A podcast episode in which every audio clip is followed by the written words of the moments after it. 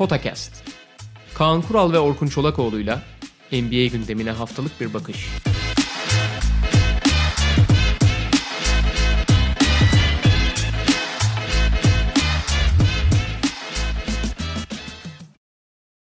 Merhaba, Potakast'a hoş geldiniz. Potakast'in yeni sezonuna hoş geldiniz. Yani aslında önceki sezondan bu yana çok da fazla vakit geçmedi ama malum yeni koşullar.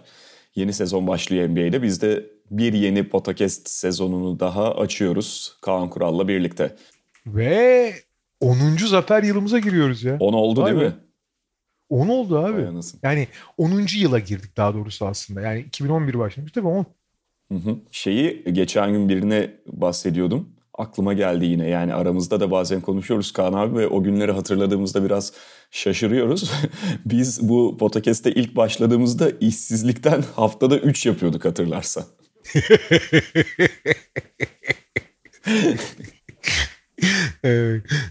İşsiz bakkal diye bir tabir vardır ya onun gibi. Yani yani. haftada 3 ve her bölümde bir buçuk saat falan da böyle yanılmıyorsam. İşte Avrupa'sı, Türkiye'si, NBA Abi hepsi şöyle bir düşün. arada.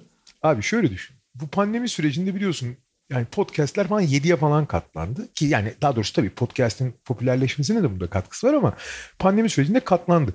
Pandemi sürecinde insanlar yapacak bir şey bulamadığı için buraya çok yöneldiler. Bizim biz pandemi 2011'de hani en azından kariyer pandemisi yaşadığımız için e, aynı süreci geçirmişiz. Aynen çok yani zorlu günlerdi bizim açımızdan Potakest dışında. Potakest'e sarılmıştık. Ondan sonra kademe kademe düştü zaten. E, ikiye düştü işte sonra bire düştü. Avrupa'sı tıraşlandı falan derken bugüne geldik. Rafine hani tıraşlan değil rafine oldu diyelim istersen. Öyle diye, Daha- daha- diyebiliriz. Daha daha şey ifadeler kullanıyor. Dinleyenlere tekrar teşekkür edelim ve bir Potakest sezon başı klasiği olarak yine önce Doğu sonra Batı şeklinde e, sezon öncesi takımlara bakacağız. Bugün Doğu konferansını yapacağız. Yani bir diğer klasik olarak hani tek tek takımlara geçmeden Kaan abi senin genel anlamda bahsetmek istediğin yeni sezona başlarken değinmek istediğin e, bir şey var mı? Ya her şeyden önce yine koronanın gölgesinde bir sezon olacak kesin. Geçen sezon tabii hani koronavirüsün dünyayı vurduğu ortamda NBA de çok etkilenmişti ama NBA özellikle bubble yaparak bunu nispeten çok daha basketbol sınırları içinde tutmayı başardı. Tabii ki onun da zorlukları vardı ara verilmesi vesaire onları geçiyorum. Fakat bu sezon direkt koronayla geçecek. Çünkü e, bir kere bunun hani bir var olan etkilerinden bahsetmek lazım. Bir bazı takımlar Mart'tan beri maç yapmıyor. Hı hı.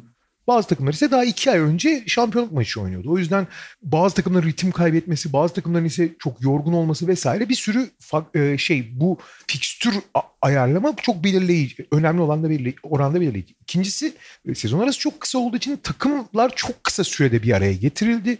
Hadi o çok önemli değil. Çok kısa bir hazırlık dönemi yaşanacak. Biraz apar topar başlıyor lig. Şimdi bunun da etkisi olacak.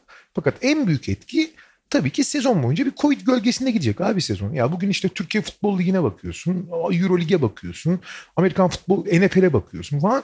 Hani Covid nedeniyle işte karantina altına alınan hangi oyuncunun ne zaman oynayacağı, ne kadar oynayacağı belli değil. Maçların iptal edilip ya da ertelenip ertelenmeyeceği belli. Daha geçenlerde abi NCAA'nin en önemli maçı Gonzaga Baylor ertelendi. NBA'de işte 138 sayfalık bir manifesto yayınladı işte. Oyuncularla ilgili çok ciddi kısıtlamalar getirildi. Tabii ki bir bubble atmosferi değil ama oyuncuların yani hemen hemen babacığım maçına git evine dön başka da bir şey yapma denen bir manifesto. Şeyler açık bırakıldı cezalar veya yaptırımlar. Evet. Ama mesela şöyle bir şey var. Deplasmana gittikleri zaman takımlar e, sadece 3 tane restoran belirlenmiş. O 3 restoranın dışında yemek yemeyecekler. Hiçbir yere karışamayacaklar falan. Yani yaptırım belli değil ama işte atıyorum Lou Williams gibi, James Harden gibi falan saçmalarsan abuk subuk partilere martilere gidersen muhtemelen ciddi yaptırımlar da olacak. İşte koronavirüse yakalananların yani e, testleri pozitif çıkanların prosedürleri vesaire hepsi belirlendi. Ve şunu da söylemek lazım 72 maçlık bir takvim belirlendi. Normal sezondan biraz daha sıkıştırılmış bir takvim. Yani maç yükünü de artırıyor. Bu da tabii sezonu etkileyecek bir başka faktör olacak. Fakat NBA'nin şöyle bir avantajı var diğer spor organizasyonlarına oranla. NBA herhangi bir maçı erteledikten sonra gerekirse iptal edebilir. Yani sonuçta NFL'de veya Türkiye Futbol Ligi'nde bunu yapamıyorsun. Tamam mı? Yani maç sayısı eksik olamıyor. NBA çok o takmıyor. Atıyorum Indiana Pacers'da bir çok ciddi bir koronavirüs salgını oldu. İşte bütün oyuncular hasta Allah korusun yani Indiana'yı öylesine söyledim. 6 maç kaçırdılar. 2 maçı tekrar ettiler. Sonra 4 maç eksik olsa da çok önemsemeyecek. Yani sezonu 68 maçta bitirse Indiana bir şey fark etmeyecek. Çünkü galibiyet yüzdesi üzerinden sıralama yapıldığı için hı hı. 72 maçı tamamlamak zorunda da hiç hissetmiyor NBA. Özellikle hani yüzden... sıralamayı böyle çok küçük detaylar belirlemiyorsa o esnada daha rahat zaten o maçları görmezden gelebilirler. Aynen. O yüzden hani çok da e, yani bir şekilde sezon başlayacak. Tabii ki hani işte aşı çalışmaları falan filan derken gelecek yaza her şeyin çok daha iyi olacağını tahmin ediyoruz ama önümüzdeki 3-4 ayın çok daha zor geçeceği de ortada. Yani bugün hani gerek Türkiye'de gerek Avrupa'da gerek Amerika'daki duruma bakıyorsun. Ee, koronavirüsün tekrar çok zirve dönemde olduğunu görüyoruz. Hı hı. Özellikle sezonun ilk 2-3 ayının baya baya karmaşa içinde geçeceğini tahmin etmek de güç değil. Yani bunun takımları ne kadar etkileyeceği, bunun performansı ne kadar yansıyacağı, sıralamaya ne kadar yansıyacağı ise daha önce hiç hiçbir dış faktörün olmadığı kadar anormal belirleyici. O yüzden hayli ilginç ve hayli sürprizli şeyleri de hazır olalım. Tabii ben de şunu ekleyeyim. Sen zaten bahsettin hani 72 maç olayından haliyle biraz daha maç sayısı anlamında kısa bir sezon ortaya çıkarıyor. Dolayısıyla özellikle playoff yarışı içerisinde olan takımlar için hani maçların her bir maçın kısmen daha kıymetli hale geldiğini söyleyebiliriz. Burada küçük bir e, fikstürle ilgili çok küçük Tabii. bir açıklama yapalım. Kesilen 10 maç konferans maçlarından kesildi. Yani Aha. şöyle e, karşı konferansta yine deplasmanla oynuyorsun. Kendi konferansın içinde 52 maç yine 42 maç yapıyorsun. Evet 3'e indi yani. yani. 3'e indi. Bu da aslında Doğu takımlar için küçük bir dezavantaj. Doğu takımları birbiriyle daha çok maç yaparak görece daha kolay galibiyetler oluyordu. Bu sezon Doğu Batı arasındaki maç dengesinin sağlanıp böylece güç dengesinin biraz daha açıldığını görebiliriz. Doğru. E, ve tabii şu da var yani play'in hafif de genişletilerek tekrar ediliyor. Geçen sezonun sonunda elde ettiği başarıyla da birlikte play'in de devam ediyor. E, dolayısıyla kısmen yani biraz daha kısa bir sezon ve play-in turnuvasının da varlığının devam etmesiyle birlikte playoff yarışı içerisinde belki daha fazla takımı daha uzun süreli olarak göreceğiz. Sezon sonunda biraz daha zaten etkisini net biçimde hissedeceğimiz ve gözlemleyeceğimiz bir durum bu da. Birazdan da zaten takımları konuşurken hani playoff ihtimallerini biraz da işte o play-in'e girme ihtimali olarak e, güncelleyip öyle konuşacağız herhalde. Ve hani en azından teorik olarak şöyle bir avantajı olacak. Aha. Eskiden atıyorum sezonun belli bir yerine geldikten sonra sıralamada yani Doğu ve Batı'da 11. 12. Yani 12. sıradan itibaren takımlar tamamen havlu atıyorlardı. Yani ilk 8'e girmemiz çok zor diye. Şimdi amaç ilk 10'a girmek olduğu için en azından teorik olarak sezonun son bir ayındaki son bir ayına yani son işte atıyorum 7-8 maçına geldiğimizde e, yani işte konferanslarda ikişer üçer takım dışında hani 23-24 takımın hala mücadele ettiğini göreceğiz diye bir teo en azından teorik bir ihtimal var. E, Play'inin de çok eğlenceli olduğunu da gördük açıkçası. Evet. Adalet konusu biraz soru işareti ama eğlenceli olduğu kesin. O zaman geçelim. Geçelim Klasik abi. Atlantik'ten başlayalım ve aşağı doğru ineceğiz. Bugün Doğu Konferansı'nın dediğimiz gibi e, bir sonraki podcast'teki o da iki gün sonra yayınlanacak. E, Batı Konferansı'nı işleyeceğiz. Yine tabii derece sırasına göre, geçen sezonki sıraya göre gidiyorum Kaan abi ve Toronto Raptors'tan başlayalım. Başlayalım ee, Toronto Raptors malum biraz 2021 yazı odaklı daha doğrusu hesaplamalarını ciddi anlamda oraya yönelik yaparak yaz dönemi off-season hamlelerini yaptı. Bu belli bir kısıtlama getiriyordu onlara. Zaten şu da var yani Toronto Raptors 2021 yazı ve Antetokounmpo hedefi e, diğer oyuncuları da buna katabilirsiniz. Bir kenara geçen sezonu gayet iyi geçirmiş olsa da Masai Ujiri'nin hele bir sezon önce şampiyonluğu hep birlikte yaşadıktan sonra Toronto tekrar o düzeyde bir takım oluşturma hedefi olduğu kafasının bir kenarında biliniyor. Ne kadar bu takım iyi düzeyde bir takım olsa da aslında daha büyük hamleyi yapmaya yönelik hep planlama yapıyor Masai Ujiri. Dolayısıyla bu yaz belli önemli parçalar işte Marc Gasol'ü, Serge Ibaka'sı ellerinden kayarken Toronto Raptors zaten agresif şekilde bu oyuncuları tutmaya çalışmayacaktı. Hatta belki e, razı olacakları belliydi. Aaron Baines gibi hamlelerle uzun rotasyonunu doldurdular. Chris Boucher zaten ellerinde olan ve dakikası artan bir oyuncuydu. Ona çok daha fazla süre verecekler. Büyük ölçüde kadro korumayla geçti Toronto Raptors'ın yaz dönemi, transfer dönemi diyelim. Kaldı ki zaten yaptıkları en önemli hamle, attıkları en büyük imzada e, Fred VanVleet'e verdikleri yeni kontrat. Yani Toronto'ya bakıyorsun abi. Şimdi Mark Gasol ve Sergi Baka'yı kaybettiler değil mi? Hı hı. Mark Gasol ilk beşin bir parçasıydı. Saha içindeki etkinliği kadar saha dışında bir birleştiriciliği vardı vesaire. Sergi Baka'nın değerini zaten biliyoruz. Hani e, belki eskisi kadar yüksek dakikalar ve yüksek e, oynayamıyor ama kısıtlı dakikalarda çok etkili olabiliyor. İşte dışarıdan şut atabiliyor olması, e, blok tehdidiyle falan e, kısa beşlerle, eski hareketliliği olması da hala caydırıcılığıyla falan 30 dakikanın altında hakikaten iyi katkı veriyor. Şimdi bunlar önemli ve ikisi de aynı pozisyonda o oyuncular gittiği için önemli bir boşluk yara, e, oluştu gibi. Fakat abi işte Chris Boucher senin söylediğin gibi ellerindeydi. Aaron Baines ve Alex Len hamlesini yaptılar. Alex Len çok detay bir hamle gibi gözükse bile özellikle daha fizikli bir uzun istedikleri zaman 10 dakika belki oynatabilirler.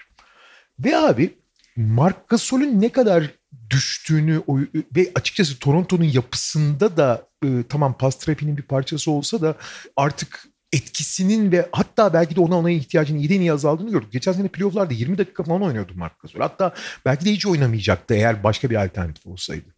Ee, zaten teknik anlamda Mark Gasol'e olan ihtiyaç ya da Mark Gasol'ün eksikliği çok bir şey yaratmamaya başlamıştı. Hatta ve hatta şunu da iddia edebilirsin. Toronto gibi inanılmaz yırtıcı ve hareketli dört oyuncudan kurulu bir savunma için belki de çok iyi bir beşinci parça bile değildi.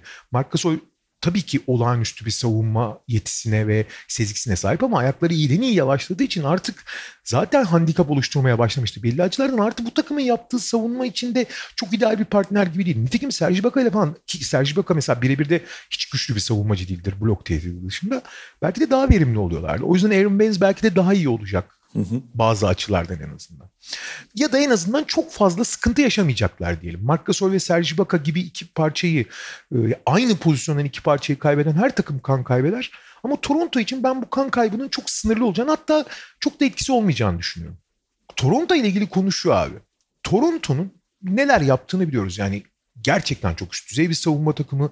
Ligin belki de en dişiyle tırnağıyla mücadele eden yırtıcı, yıpratıcı, boğucu takımı. Ligin en iyi belki de birebir dış savunmacısı. OG Anunoby'ye sahipler.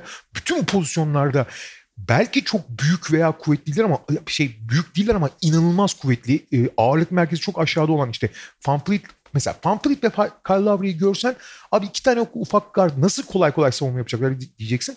Ama abi ağırlık merkezi aşağıda olan oyuncular hiç itlemiyorlar ya. Hı hı. Abi acayip yırtıcı oluyorlar bir taraftan. E Pascal Siakam gibi hani inanılmaz bir jokerim var. Yani her tür pozisyonu switch edebilecek, her tür pozisyonu savunabilecek özel bir oyuncun var. E işte Aaron Baines, Alex Len, Chris Boucher hangisiyse yani yapıya göre, rakip uzunlara göre istediğini alıp hala çok elit bir savunma takımı olabilirsin. E bunun yanında bu konuda bir sıkıntı yok. Abi bu takımda asıl belirleyici olan hücum. Çünkü hücumun tabanı belli abi. Çünkü bu takımda Kawhi Leonard'ı denklemden çıkardığın günden beri hücumda bir seviye atlatacak elit oyuncu yok. Orayı da büyük bir gayret eforla falan götürmeye çalışıyorlar. Ve nitekim de götürüyorlar. Ama bir yere kadar götürüyorsun abi. Şimdi burada önemli nokta şu. Fred Van Fleet artık eskisi gibi hani çıkış yapan oyuncudan çıkıp önemli oyuncu ünvanını aldı. Fred VanVleet'in en büyük sorunlarından biri çok göz yanıltıcı bir oyuncu abi. Fred VanVleet'e bakıyorsun ulan bu body body herif nasıl hareket eder, nasıl penetre eder diyorsun. Abi biraz Luka Doncic gibi abi hayvanlar gibi penetre ediyor herif. Bu şey gibi değil abi. Russell Westbrook penetre ettiği zaman ya da işte Kyrie Irving penetre ettiği zaman görüyorsun. inanılmaz akıyorlar potaya doğru. Tamam mı? Fred VanVleet öyle değil. Ama önemli değil ki abi. Sonuçta aynı şeyi yapıyor. Aynı görsellikte yapmıyor olabilir. Herkes Vince Carter kadar estetik smaç yapmıyor olabilir. Ama potaya kadar gidiyor mu? Gidiyor abi. Tekniğiyle gidiyor, vücut kullanmasıyla gidiyor, her şekilde gidiyor. Bitiriyor mu orada? Ha elit seviyede belki bitirmiyor ama yeterince bitiriyor. Ve en azından o penetre etkisini yaratıyor. E Kyle Lowry de yaratıyor tamam. Fakat sorun şu ki bunların arasında işte Van Fleet iyi şut attığı zaman, Kyle Lowry iyi şut attığı zaman güzel oluyor. E iyi tamam. OG Anunoby diyorsun abi. OG Anunoby çok, bence iyi bir şutöre dönüştü ama topu hiç yere vuramıyor. O yüzden abi bu takımla ilgili belirleyici olan bu takımın iyi olacağını düşünüyorum ben. Ama iyiden bir adım yukarı çıkabilecekler mi? Yani geçen seneki gibi doğuda hakikaten iddialı olabilecekler mi? Geçen sene iddialıydılar sonuçta. Hı hı. Öyle ya da böyle basına yenildiler ama yani orada çok ciddi aktörlerdi abi. Sonuçta konferansı ikinci bitirdiler. Burada kritik nokta abi iki oyuncu. Kyle Lowry ve e, Pascal Siakam. Şöyle bir sorun var. Kyle Lowry abi artık 34 sezon içinde 35 yaşına gelecek ve oyun stili itibariyle, yıpratıcılığı itibariyle, oynadığı şekil itibariyle performansından bir gıdım kaybederse hı hı. sakatlık olur, yorgunluk olur, yaş olur vesaire çok ciddi düşer oyundan. Bir. İkincisi geçen sene hatırlayacaksın kasık sakatlığına kadar muhteşem bir Pascal Siakam izlemiştik ama ondan sonra düştü. hadi düşebilirsin abi. Kasık sakatlığı ritmini bozmuştur, rahatsız ediyordur falan. Kasık zaten belalıdır biliyorsun. Fakat abi playoff'a gel şeye geldiğimizde, bubble'a geldiğimizde hani performansının düşmesini falan geçtim. Çok ciddi psikolojik olarak da bir bunalıma girdi. Özgüvenini kaybetti, saçmaladı.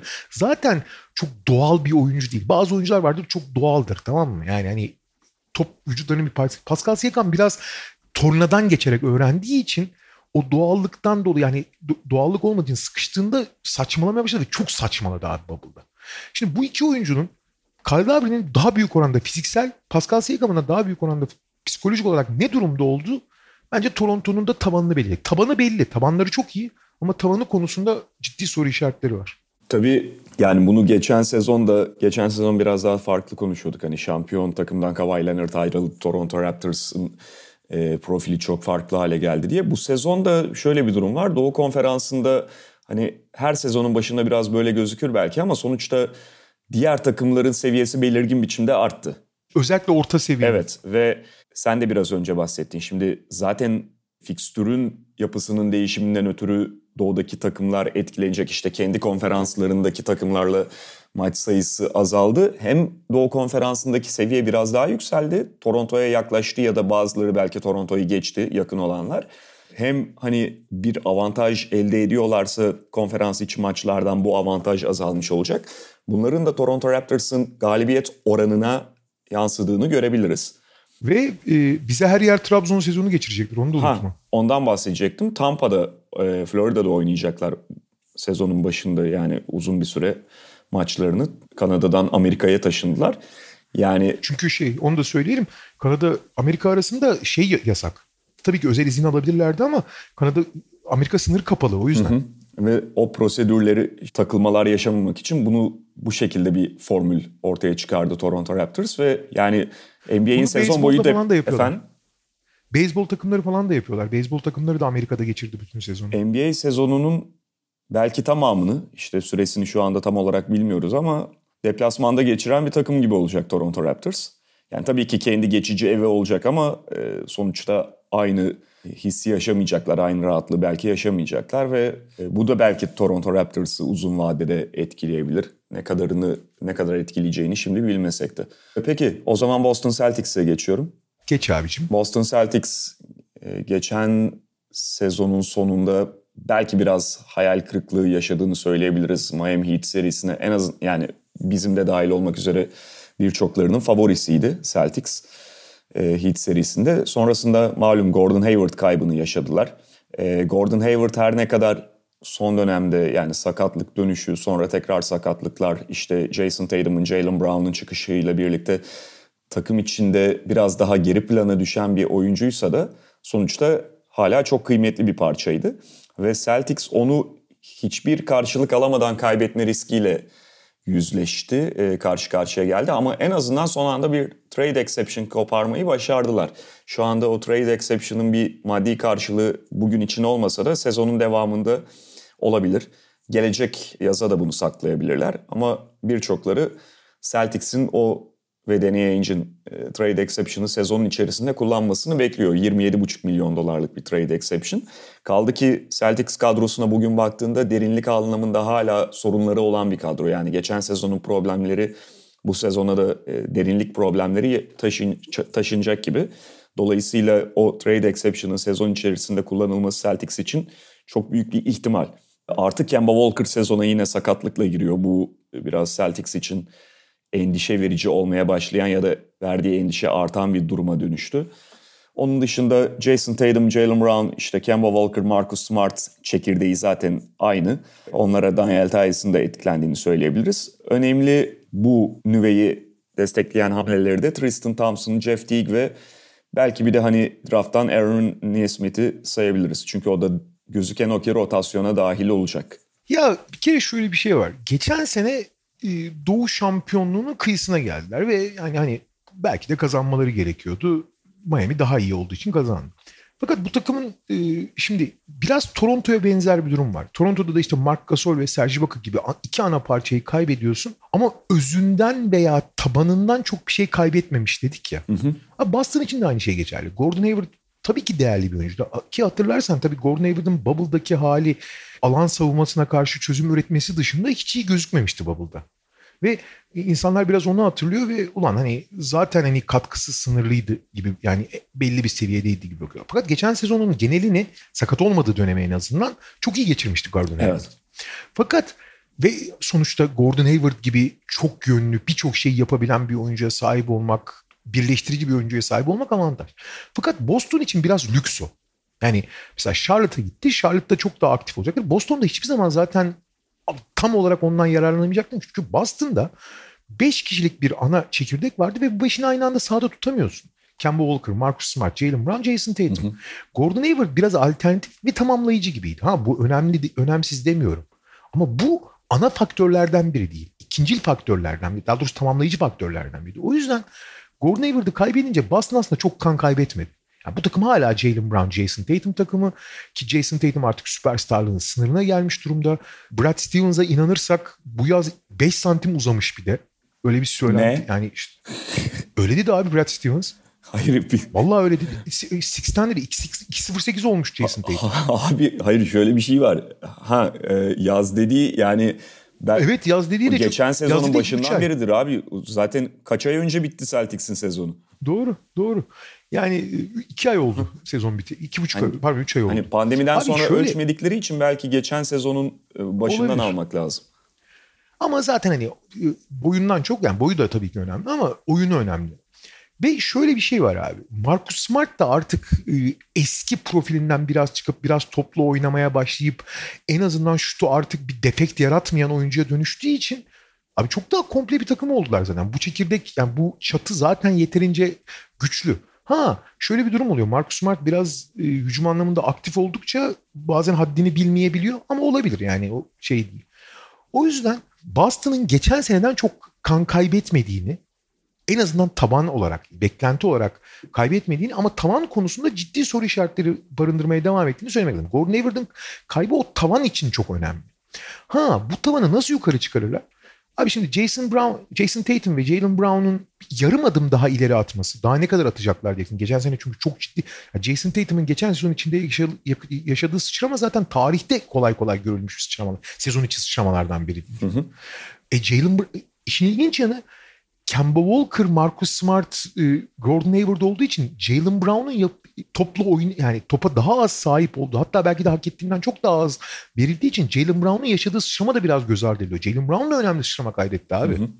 Yani hakikaten önemli oyunculara dönüştüler. Ve zaten ben hep şey diyorum ya abi Kawhi ve George'un doğudaki karşılığı Jalen Brown'la Jason Tatum. Kaan abi hatırla bundan bir sene önce geçen sezonun başında Jalen Brown'a yeni kontratı vermişti Danny ve yani Hı-hı. ilk podcastlerden biriydi işte sezonda. Biz e, açıkçası eleştirmiştik o kontratı biraz. Çünkü en azından biraz soru işareti yani mecbur kalarak verdi ama bu kontrat çok büyük yüke dönüşebilir. Hani e, oyuncunun şu anki haliyle çok bağdaşmıyor kontratın seviyesi gibi yorumlarımız olmuştu. Aynen ve ilk bir ayda o yorumları şey yaptığı gibi bir aydan sonra da yani o yorumları boşa çıkardığı gibi bir aydan sonra abi ucuza kapatmışlar dedirtti evet. yani.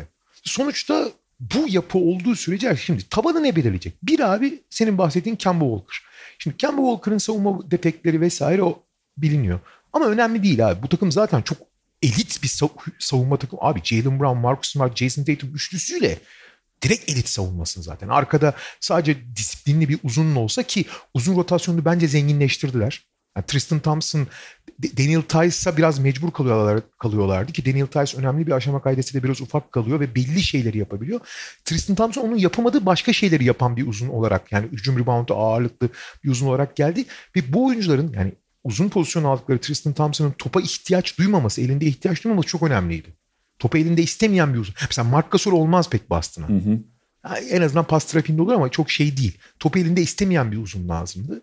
Onu aldılar. Artık Robert Williams'ın da geçen sene bir adım attığını görmüştük. O yüzden uzun rotasyonu yani hiçbiri elit değil ama farklı şeyler verebilen 3 oyuncuyla bunları tamamlayabilir. Yani bu çatıyı tamamlayabilecek uzun rotasyon. Hatta Grant Williams'ı da yani çok kısa bir 5 numara olarak belli matchup'larda kullanabilir ya da 4 numarada zaten Grant Williams'ın süresini artırması bekleniyor. Ha. Onu da ekleyebiliriz. Şimdi burada abi kritik nokta Kemba Walker'ın sağlığı ve beklenti. Ondan Charlotte'daki gibi bir lider olması beklenmiyor. Ama beklentileri karşılayacak mı? Hücumda bir alternatif olabilecek mi? Şutunu sokacak mı? Oynayacak mı daha doğrusu? Bunun iyi niyetli olabileceğini varsayalım. Olacağını varsayalım. O zaman Boston zaten elit bir takım. Zaten Doğu birinciliği için, Doğu şampiyonu için aday. Fakat bu sezon özelinde, bu sezonki işte sıkıştırılmış takvim, Covid vesaire derken abi kadro derinliği normal sezon için konuşuyorum. Playoff için değil. Normal sezon için kadro derinliği eskisinden daha önemli. Çünkü her an oyuncuların dinlendirilmesi, Covid nedeniyle oturması gerekebilir. Ve Boston'ın senin söylediğin gibi kadro derinliği konusunda eskiden sorunu vardı. Gordon Hayward'ı devre dışı bırakınca acayip bir sorunu var. Şimdi burada Jeff Teague'in, Romeo Langford'ın, Semi Ojeley'in, Grant Williams'ın falan ne yapacağı ileri adım atmadık. Bu arada Brad Vanamaker'ı da kaybettim. Unutma Brad Vanamaker evet, de onlar evet. için önemli bir rotasyon parçasıydı. Bu abi Boston'ın genel tavanını en azından normal sezonun tavanını belirleyecek. Grant Williams'dan çok ümitliler ki ben de ümitliyim. Hani geçen sene hakikaten ne adım atabileceğini göstermişti ama diğer oyunculardan mutlaka ve mutlaka e, rotasyon parçası olabilecek bir şeyler almaları bekliyor. Jeff Teague'i almak şu açıdan çok akıllıca bu arada. Jeff Teague de Kemba Walker'ın sorunlarını barındırıyor. Hiç savunma yapamıyor, oyun e, oyun disiplini kaybediyor ama inanılmaz delici olduğu için öyle bir alternatife sahip olmak iyi. Yani sırf delmesini istersin. Başka hiçbir şey yapmasın yeter zaten. Ama işte e, Langford, Ojeley, Grant Williams falan ne kadar ileri adım atmış göreceğiz. Orada işte Celtics için kritik noktalardan biri çaylak, iki tane çaylağın ne kadar rotasyona girip ne kadar katkı verebilecekleri. E, biraz önce Aaron Nesmith'ten bahsettim. Peyton Pritchard'ı da sayabiliriz ama yani oyuncunun ilk etapta çok fazla süre almasını beklemiyorum. Bir kere Kemba Walker'ın ve Jeff Teague'in arkasında. Ha Kemba sakatken Jeff Teague'i ilk yedekleyen oyuncu olması da mümkün Peyton Pritchard'ın. E, kısmen hazır gelen bir oyuncu çünkü Peyton Pritchard ve skorer. E, belki süre alabilir. Carson Edwards'ın önüne geçebilir mesela çünkü Edwards bir şey göstermedi şu ana kadar. Aaron Nesmith de direkt şutör zaten ve e, hani savunma da yapabilecek bir şutör çaylak. Dolayısıyla ona da bir yer var Celtics'te. Zaten diğer oyunculardan biraz daha öte. Hani onun daha fazla süre almasını bekliyorlar. 14. sırada seçti yanlış hatırlamıyorsam Celtics kendisini. E, ama işte Grant Williams'ların falan süresini arttırması, biraz daha rotasyona dahil olması değerli, önemli tabii Celtics için. Ne kadar... Orada işte Brad Stevens'ın iyi koştuğuna da güveniyorlar. Elbette. Ve Philadelphia en ilginç takımlardan biri yine. Philadelphia. Evet. Çünkü Daryl Morey hamlesi, Daryl Morey'nin gelişi, Doug Rivers'ın koç olarak takımın başına gelişi zaten başlı başına bir hareketlilik getirdi. Daryl Morey tabii ki rahat durmayacaktı. Tabii ki öyle sakin bir transfer dönemi geçirmeyecekti. Ee, önemli hamleler yaptı. Yani aslında Daryl Morey geldiği an hatta Daryl Morey gelmeden önce ben açıkçası mesela geçen sezonda söylemiştim bunu tekrarlayayım. Ben bu transfer döneminde Ben Simmons'la Embiid'den birinin hatta daha yakın ihtimal Ben Simmons'ın gitmesini bekliyordum. Takas edilmesini bekliyordum. Daryl Morey geldikten sonra kesin birini harcar yani takasta kullanır diye düşünmeye başladım. En azından şimdilik öyle bir hamle yapmadı Philadelphia. Ama beklendiği gibi, beklenebileceği gibi Daryl Morey hemen onların etrafını çalkaladı ve kendi basketbol anlayışına, bu modern basketbol şeylerine daha uygun bir takım ortaya çıkarmaya çalıştı. E, çok da akılcı takaslar yaptı bana göre. Yani en azından bu takımın ihtiyaçlarını Ben Simmons ve Embiid'in ihtiyaçlarını göz önünde tutarsak ellerindeki Richardson asetini iyi kullandılar. Josh Richardson yani hatırlayalım bundan bir sene önce Miami'den Philadelphia'ya gelirken algısı çok daha değerli bir oyuncuydu. Nitekim yani Jimmy Butler'ın bir anlamda karşılığı gibi gelmişti Philadelphia'ya. Ama bu takım içerisinde aynı şekilde verimli kullanılamadı. Oyuncunun değerinin biraz düşmeye başladığını gördük. Onu kendisine ihtiyaç duyan Dallas'a takaslayıp Seth Curry gibi elit bir şutörü kadrosuna kattı Sixers. Yani şutörden şutöre fark var. Biz de bazen çok konuşuyoruz. Hani şut atabilmekle çok iyi şutör olmak başka şeyler. Seth Curry işte o çok iyi şutör. Ve Ben Simmons'ın Embiid'in biraz daha yanında ihtiyaç duyduğu tipte oyuncu Seth Curry. Onu kadroya kattı. Danny Green yine takasla gelen bir diğer isim Philadelphia'da. Doğrudan bunlar rotasyona ilk beşe hatta yerleşecek oyuncular. Tobias Harris de bir pozisyon zıplaması yaşayacak. Al Horford'dan tabii bu esnada kurtuldu. Al Horford'un kontratından kurtuldu Sixers ve Tobias Harris de artık daha çok 4 numarada izleyeceğimiz bir diğer şutör. Dolayısıyla şu anki Sixers kadrosu hani sezon içerisinde ne kadar başarılı olacaklarını göreceğiz. O yine biraz elbette Simmons'ın, Embiid'in ortaya koyacaklarıyla çok bağlantılı ama daha dengeli, daha bu oyunculara uygun bir kadro. Abi aynen birebir sana katılıyorum ve e, açıkçası hani bundan 4 sene önce e, ligin en hamle avantajı olan takım iken sayısız draft seçimi, genç oyuncu falan sahibiyken bütün kaynaklarını çarçur eden Philadelphia'ya e, çok zor şartlarda geldi Mori. Ama tam bir sihirbaz ve manyak olduğu için bu sınırlı kaynaktan da sineğin yağının, sütünün polenini çıkardı gene yani. ve açıkçası Ben Simmons, Joel Embiid birlikteliği dünyanın en sorunlu birlikteliklerinden biri bu. İkisinin de çok elit oyuncu olduğuna hiç şüphe yok. Çok değerli iki oyuncu. Ama aynı zamanda çok önemli sorunları olan iki oyuncu. Ve bu ikisini bir araya getirmek ne kadar zorsa yapılabilecek en iyi şeyi yaptı. Ya bundan daha iyisini hakikaten bu kadar hamle dezavantajıyla yapamaz. Yani bu iki oyuncunun zaten hani Ben Simmons'ın hani şut atamadığını geçtim atmadığını düşünürsen abi bir protesto eylemi gibi atmıyor resmen. Abi dünyanın en kötü şutörleri. Abi John Wall bile %7 ile atarken 100 tane atıyordu abi. Hatırlıyorsun 4 sene önce %7 ile atıyordu. Hı hı. Atarsın abi yani hani en azından tehdit yaratmak için en azından bir alan şey. Atmıyor biliyorsun. E bu tabii Joel Embiid'in alanını daraltıyor vesaire vesaire. Neyse detayları sorunlara geçiyorum. Fakat bu iki oyuncunun verimli olabilmesi için etrafına olabilecek en mantıklı kadroyu kurdu. Seth Curry senin söylediğin gibi iyi bir şutör değil, elit çok ciddi yani Duncan Robinson seviyesinin yakın bir şekilde tehdit bir şutör. Artı Curry'nin ne kadar büyük çıkış yakaladığını atlamayalım. Artık topla da oynayabilen, topu yere vurabilen bir oyuncu. Bu da ne kadar değerleniyor biliyorsun. Çünkü herhangi işte Simmons'dan, Joel Embiid'den pası aldığı zaman savunma yakınken tek dribbling yapabilmek, bir dribblingle pozisyon değiştirebilmenin artık vazgeçilmez bir değer olduğu da Seth Curry bunu da yapıyor. Danny Green onu yapamıyor mesela. Ya da yaptığı zaman istenen sonuçlar hiç alınamıyor. Geçen sene Lakers'da görmüştüm. Hı hı. Ama işte Danny Green de sonuçta disiplinli, görevini bilen, birleştirici, sağ dışında da çok etkili olan bir karakter. O da çok önemli. Artı ikisi de sahayı açabildiği için Ben Sim e, Tobias Harris de aslında nokta şutör olarak gayet iyi. Sadece sola gitmesi dışında bence yani kontratını hiç hak etmeyen bir oyuncu ama ne olursa olsun şu tehdidiyle yani Ben Simmons ve Joel Embiid'e alan açabilecek. Onların ikisinin beraber verimli olabileceği bir ihtimal Hı. yarattılar.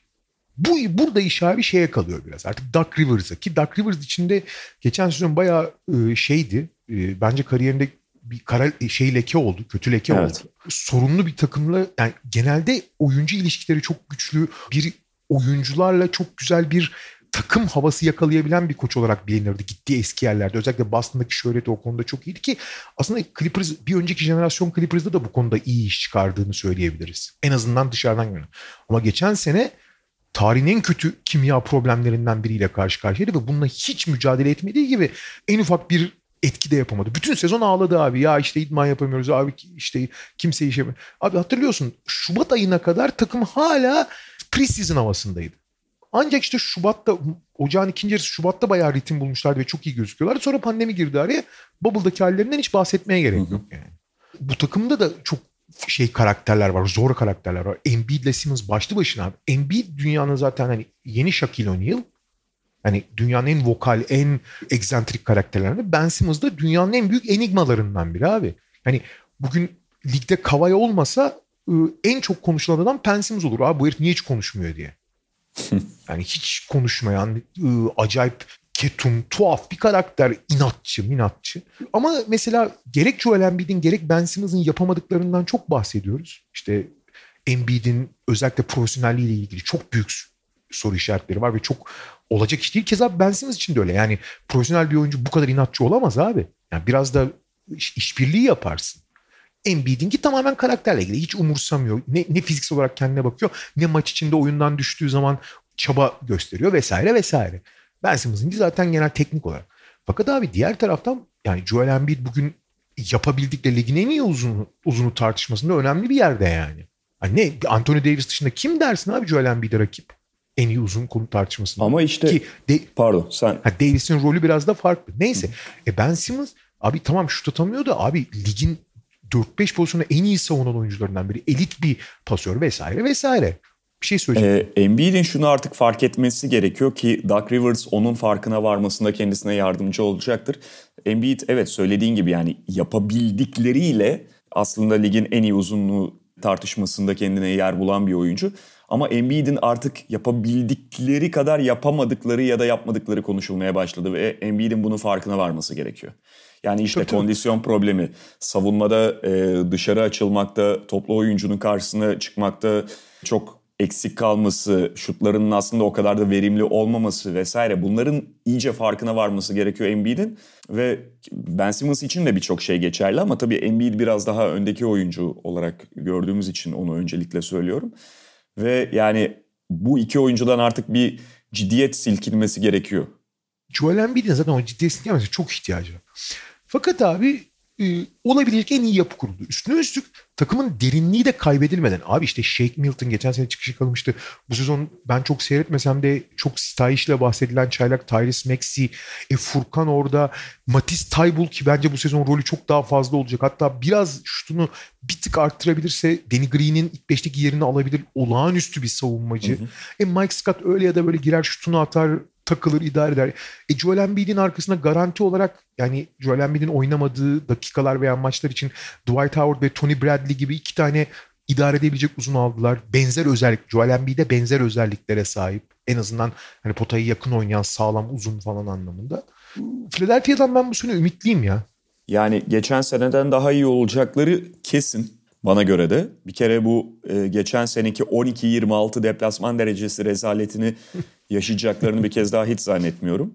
Tabii ki orada yani dönüp dolaşıp aynı şeye geliyoruz. Simmons'ın, Embiid'in oyuna yaklaşımları ve ne kadar bunu bir mesele haline getirecekleri kendileri içinde daha ciddiyet olup olmayacakları önemli konu ama Doug Rivers de işte o konuda oyuncuya dokunma konusunda şeydir, güvenebileceğimiz bir antrenördür ve faydası olacaktır oyunculara en azından mental anlamda.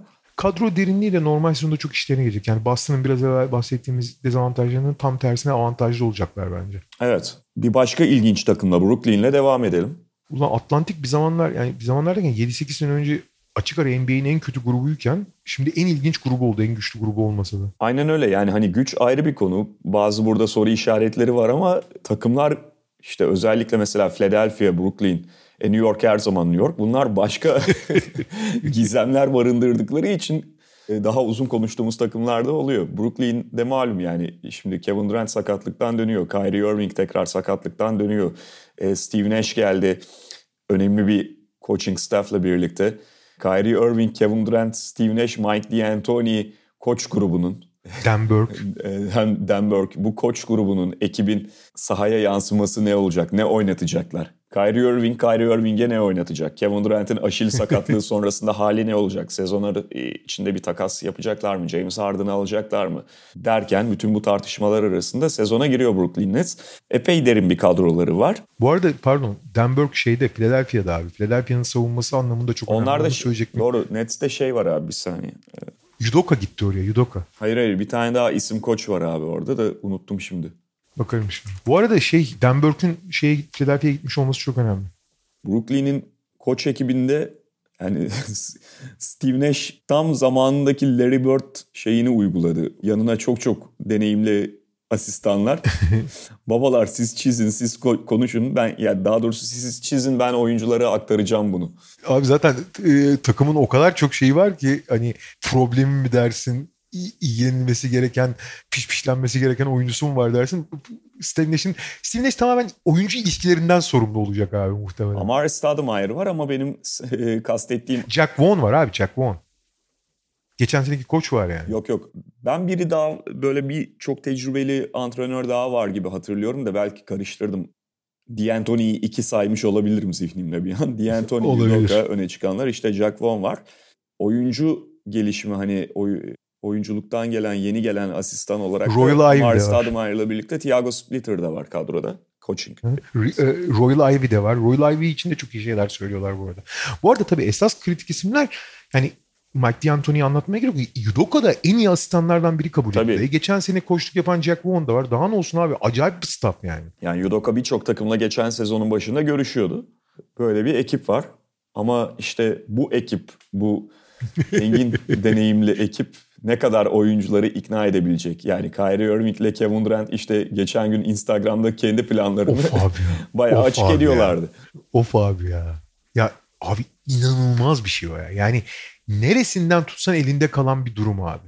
Yani bizim için çok iyi tabii. Çok filtresiz bir konuşma izliyorsun ama abi sezon başında takım stratejisini o kadar kişinin önünde konuşmaktan birbirlerine hani laf sokma değil hani görüş ayrılıklarını ortaya çıkmasından bir taraftan koçları yani özellikle Kayri özelinde tabii bunların büyük oranda Kayri özelinde abi koçları hiçe sayan bir tavırla konuşuyor olmak falan. Bir de şey diyor abi yani şeyin içinde işte Durant ona diyor ki abi işte post-up çok etkili falan değil. Hani ben ulan ben 2-13'üm ben post-up yapmıyorum. Neden bahsediyorsun falan diyor. Tamam Kyrie Irving post-up'ta çok etkili bir kısa da. Abi işte ben de senin gibi düşünüyorum. Ben eskiden sendim falan gibi böyle acayip mistik şeylerden falan bahsediyor. Var ya bu e, sahtekar Hintli şeyler, yogiler falan onlar gibi konuşan bir tavrı var. Oturuşu falan da öyle. Şey diyor sonra ben maç başına 7-8 tane yaparım diyor. Durant şey diyor ben orada en çok ona şaşırdım. Durant diyor ki abi nasıl olur ya iki buçuk diye konuşma anlaşmıştık bu konuda diyor. Yani belli ki bunu konuşmuşlar. Sonra herkesin ortasında daha önce söylediğinin aksine bir şey söylüyor Kyrie Ki bir bunu söylemesi başlı başına hani koçların olmadığı bir ortamda falan tuhaf da. Ulan nasıl hani iki buçukta anlaşmıştık falan filan diyor. Ya tamam onu şey yaparız pazarlığını yaparız falan diyor. Ulan belli ki konuşmuşlar ama o konuşmayı unutmuş tamamen Kayri. Ki yani abi Kayri'yi anlatmaya gerek yok. Kayri psikiyatrik vaka abi. Psikiyatrik vaka. Zaten yine hareketli girdi sezona. Medya ile bir kavga halinde. Kavga halinde medyaya konuşmadı ki biliyorsun yani NBA'de ceza aldı. Oyuncuların cezalı. Abi şeyi çok acayip. Cezayı aldıktan sonra bir gene işte medyanın karşısında bir deklarasyon yayınladı. Abi bütün medya piyon dedi ya. Abi şimdi tamam medyayla müca şeyin olabilir, rahatsızlığın olabilir falan da abi tüm medya hepiniz birer piyonsunuz falan dersen abi bir bir kere hiç yakışıksız bir ifade o. Hı hı.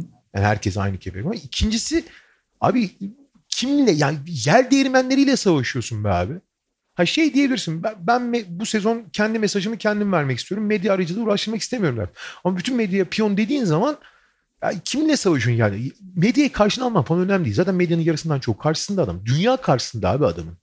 Yani zaten o öyle zannediyor daha doğrusu. Tam Don Quixote abi. Tam yani. İşin kötü yanı hani Don Quixote'luğun bir taraftan bir ilginç şövalyelik tarafı var ki hani Kyrie Irving'in özellikle sağ dışındaki sosyal sorumluluk yaklaşımları e, işte e, toplumsal direnç konusundaki söylemleri falan çok değerli. Hatta bu konuda kendisinden de çok şey veriyor.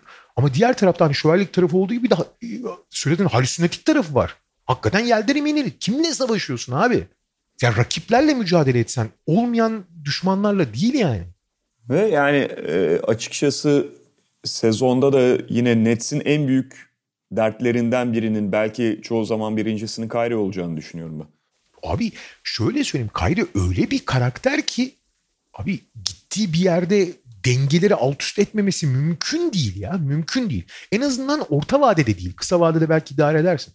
Ama abi adam bipolar, manik, depresif. Yani biliyorsun geçen sene hiç alakasız bir yerde bir kendisiyle ilgili bir söz geçti. iki sayfa bir manifesto yayınladı hı hı. Instagram'da. Abi sadece o manifesto yüzünden 15 gün falan akıl hastanesine yatırılırsın yani. Baba ne anlatıyorsun? Ne diyorsun ya falan diye. Şey geçen gün söylüyordum mu? Yani geçen sene muhabbeti geçmişti. Bir de abi herifi sonuçta spor dediğin şey bir compromise tamam mı? Bir ödün vermek gerekiyor bazı şeylerden. Oyundan, şundan, bundan. Yani takım olduğun zaman her şey senin istediğin gibi olamaz. Yok öyle bir dünya. En azından verimli olmak için, iyi olmak için yok öyle bir dünya. Abicim 2000 yıllık bilim dünyası adama dünyanın yuvarlak olduğunu ikna edememiş. Sen neye, neye yani sen postap yapma, yapmamaya mı ikna edeceksin? Yani hani e, gülüyoruz, eğleniyoruz. Dışarıdan bakanlar için evet ilginç bir takım net ama içindeki insanlar için ilginçten ziyade can sıkıcı hale dönüşebilir. Şimdi hani bak Kyrie Ve her an her, her an dönüşebilir abi. Her an. Şimdi Kyrie Irving'den bahsederek girdik. Takımın en önemli oyuncusu Kevin Durant. Ee, sen de hep söylüyorsun abi yani sakatlık öncesinde ligin en iyi oyuncusuydu Kevin Durant geldiği düzeyle. Ben sadece o playoff için söylemiyorum bunu. Ligin en iyi oyuncusuna dönüşmüştü Kevin Durant. Fakat... Valla ben o konuda yani bu tartışmalı bir konu tabii. Benim kişisel fikrim ben 2017-2019 arasında hatta 2020 sakatlanana kadar dünyanın en iyi oyuncusu olduğunu düşünüyorum. Hı hı. Ama yaşadığı sakatlık basketboldaki en ağır sakatlık. Yani kimlerin dönemediğini gördük o sakatlıktan. Kobe Bryant ya. Hani daha çarpıcı bir örnek olabilir mi? Tamam Kobe Bryant Aynen. sakatlığı, Aşil sakatlığını yaşadığında 35 yaşındaydı ama Aşil'den hemen önceki düzeyini şöyle bir aklımıza getirelim. Kariyerinin en en üst düzey basketbollarından birini oynuyordu Kobe Bryant. Ve bir daha yanına bile yaklaşamadı aynı düzeyin. Kevin Durant de sonuçta artık böyle 26 yaşında falan değil ve yani Aşil direkt e, basketbolcuyu bitirebilen ya da çok aşağı çekebilen bir sakatlık göreceğiz. Sahada göreceğiz.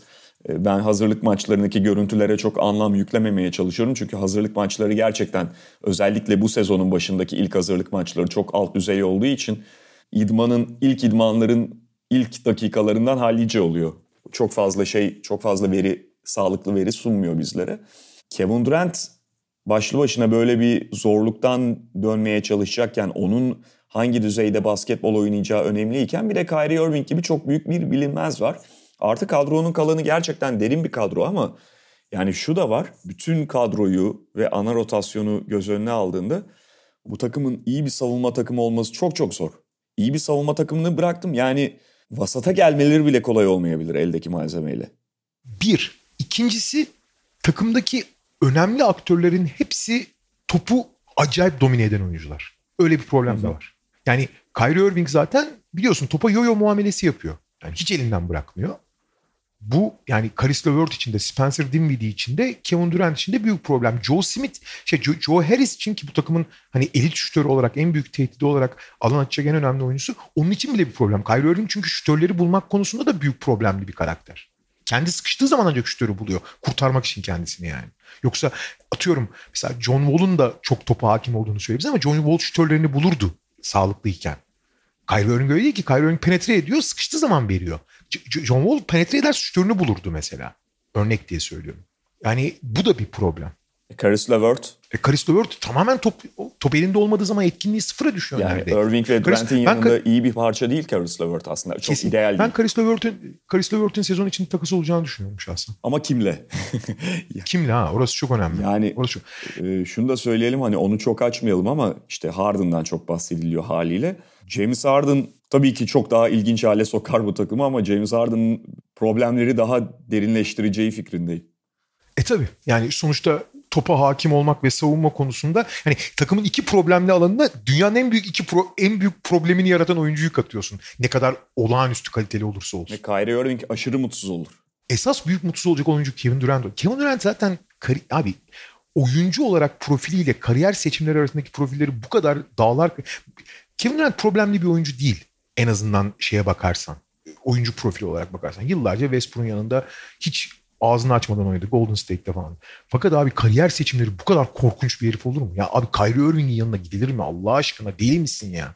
Yani Russell Westbrook'tan daha büyük bir teknik problemden bahsediyorsun. Russell Westbrook en azından iyi karakter olduğu için onunla arkadaşlık edebiliyorsun ki biliyorsun o kadar şey yaşadılar. Gene ilk hazırlık maçından sonra gayet canciğer kuzu sarması gibilerdi. İyi arkadaşlar. Kyrie Irving'le arkadaş da olamazsın abi. Yakında büyük problem olacak. Onun olmama ihtimali yok bence yani. Ama abi burada şöyle bir şey var en azından iki tane teselli. Bir kere yetenek seviyesi acayip takımın. Yani sırf yetenekle kazanabilecekleri bir sürü eşleşme olacak. Ha yetenekler yaklaştığı zaman o problemler daha çok öne çıkıyor tabii. Yetenek farkının kapatamadığı problemler. Savunma ile ilgili şöyle bir avantajları var abi. Evet yani sonuçta Kyrie Irving çok kötü bir savunmacı. İşte yanına koyabileceğin parçalar arasında iyi savunmacı diyebileceğin oyuncu yok dersen. Yani Spencer Dinwiddie'den Landry Shamet'e kadar falan Tyler Johnson'a hiçbiri bir de Torun Prince biraz fena değil oynadığı dakikalar için konuşuyorsun. Belki Luavu Kabara oynadığı zaman fena değil. Ama dış savunmalar farklı. Fakat pota altında abi eğer Steve Nash bu Kyrie Irving Kevin Durant ikilisine biraz diş gösterip ya da biraz ikna edip DeAndre Jordan'ı ikincili oyuncu olup Jared Allen'ı oynatmayı daha yüksek uzun sürelerde oynatmayı düşünürse Durant Jared Allen ikilisi bu savunmayı en azından vasat seviyesine getirebilecek bir caydırıcılık yaratır arkada. Ki zaten bu takımın iyi savunma takımı olmasına imkan yok. Vasat olması önemli olan. Vasat olabilecek bir şey var. Yol var. Çıkış yolu var. Savunmada en azından. Vasatı aşamazlar. O ayrı konu. Ama vasat olabilecek bir şey var. Jared Allen, Kevin Durant arkada olduğu sürece. Çünkü ikisi de çok ciddi caydırıcı. Durant'in mesela çok göz ardı iyi savunucu. Ha bütün iş gelip gelip nereye dayanıyor biliyor musun? Abicim Durant'in ne durumda olduğunu. Hani Durant eğer eskisinden eskisi gibi olmasını kimse beklemesin. Yok öyle bir dünya çünkü. Senin de anlattın aşırı. Fakat eskisinin %90'ı kadar olabilirse şu çok önemli abi. Sen Kobe Bryant örneğini verdin ve bir sürü e, Aşil'den dönen oyuncudan örneği sayabiliriz. Durant'in şöyle küçük bir avantajı var. Tabii ki büyük bir sakat kol. Durant Aşil'in getirdiği sınırlamaları çok çok fazla oyununda ihtiyaç duyan bir oyuncu değil. Yani ayağının üzerinde çok fazla dönerek, penetrede yön değiştirerek falan oynama ihtiyacı çok fazla hissetmiyor. Eğer rahat hareket edebiliyorsa yani ayağı onun çünkü aşil denen şey ivmelenmekle çok alakalı. Ayaktan güç almakla alakalı. Hı hı. Mesela John Wall'u çok kötü etkileyeceği kesin. Ben John Wall'u seyrettim. iyi gözüküyor, formda gözüküyor ama güç alamıyor yeterince. Güç alamadığı zaman da sorunlarını biliyoruz. Kobe için de geçerliydi bu. Durant'in öyle güç almaya çok fazla ihtiyacı olmayabilir oyununda. Bu etkilemeyecek anlamına gelmesin. Yanlış anlaşılmasın. Ama etrafından Aşil'in, dolanabilir bir takım şeyler. Evet. Çünkü o kadar uzun ve o kadar yumuşak bir oyuncu ki çok rahat şut atarak, şey yaparak, tek dribbling üzerinden falan oynayabilir. Yani biraz daha atıyorum Paul Pierce'tan Ray Allen'a dönüşerek oynayabilir. Oyunu ona izin veriyor. Anlatmaya çalıştığım o. Ha Durant eğer %90 ve üzerinde bir performans verebilecekse abi o kadar çok problemi çözüyor ki hem hücumda hem savunmada bu takımın birçok yaşayacağı teknik probleme belli ölçüde merhem olabilir. Ama bütün şey e, gidip gelip denklem bir sürü problemi bir sürü avantajı olan bir takım. Ama bütün iki tane önemli nokta var. Büyük nokta Durant'in %90 veya üzerinde olup olmayacağı. İkincisi de Jared Allen'ın DeAndre Jordan'ın önünde kullanılıp kullanılmayacağı abi. Peki Knicks'e geçelim. Knicks Ha bu arada şeyi söyleyeyim. Durant'in e, sezonun ilk sezonun ilk bir buçuk iki ayı çok önemli abi. Çünkü Durant'in ritim yani her şeyi bırak ritim bulması için bence süreye ihtiyacı olacak. O sürede her an yaşanabilecek krizlerden biri yaşanırsa Brooklyn için çok çabuk işler kötüye gidebilir bu arada. Hı hı. Knicks kısa konuşacağımız takımlardan biri olsun. yani aynı şeyleri galiba bir yıl önce de konuşmuştuk ama çok fazla değişen şey yok. İşte Tom Thibodeau başa geldi ve yani çok kısa şöyle ilk beş üzerinden bir hatırlatma Knicks'in e, kadro yapısına dair bilgilendirme yapmak gerekirse Alfred Payton işte yani en azından projekte edilen ilk beş Alfred Payton, Alec Burks, R.J. Barrett, Julius Randle, Nerlens Noel modern basketbola şut ihtiyacına alan açmaya tamamen tepki olarak meydana gelmiş bir ilk beş gibi. Kaldı ki bench'teki oyuncular da buna çok fazla alternatif sağlamıyor.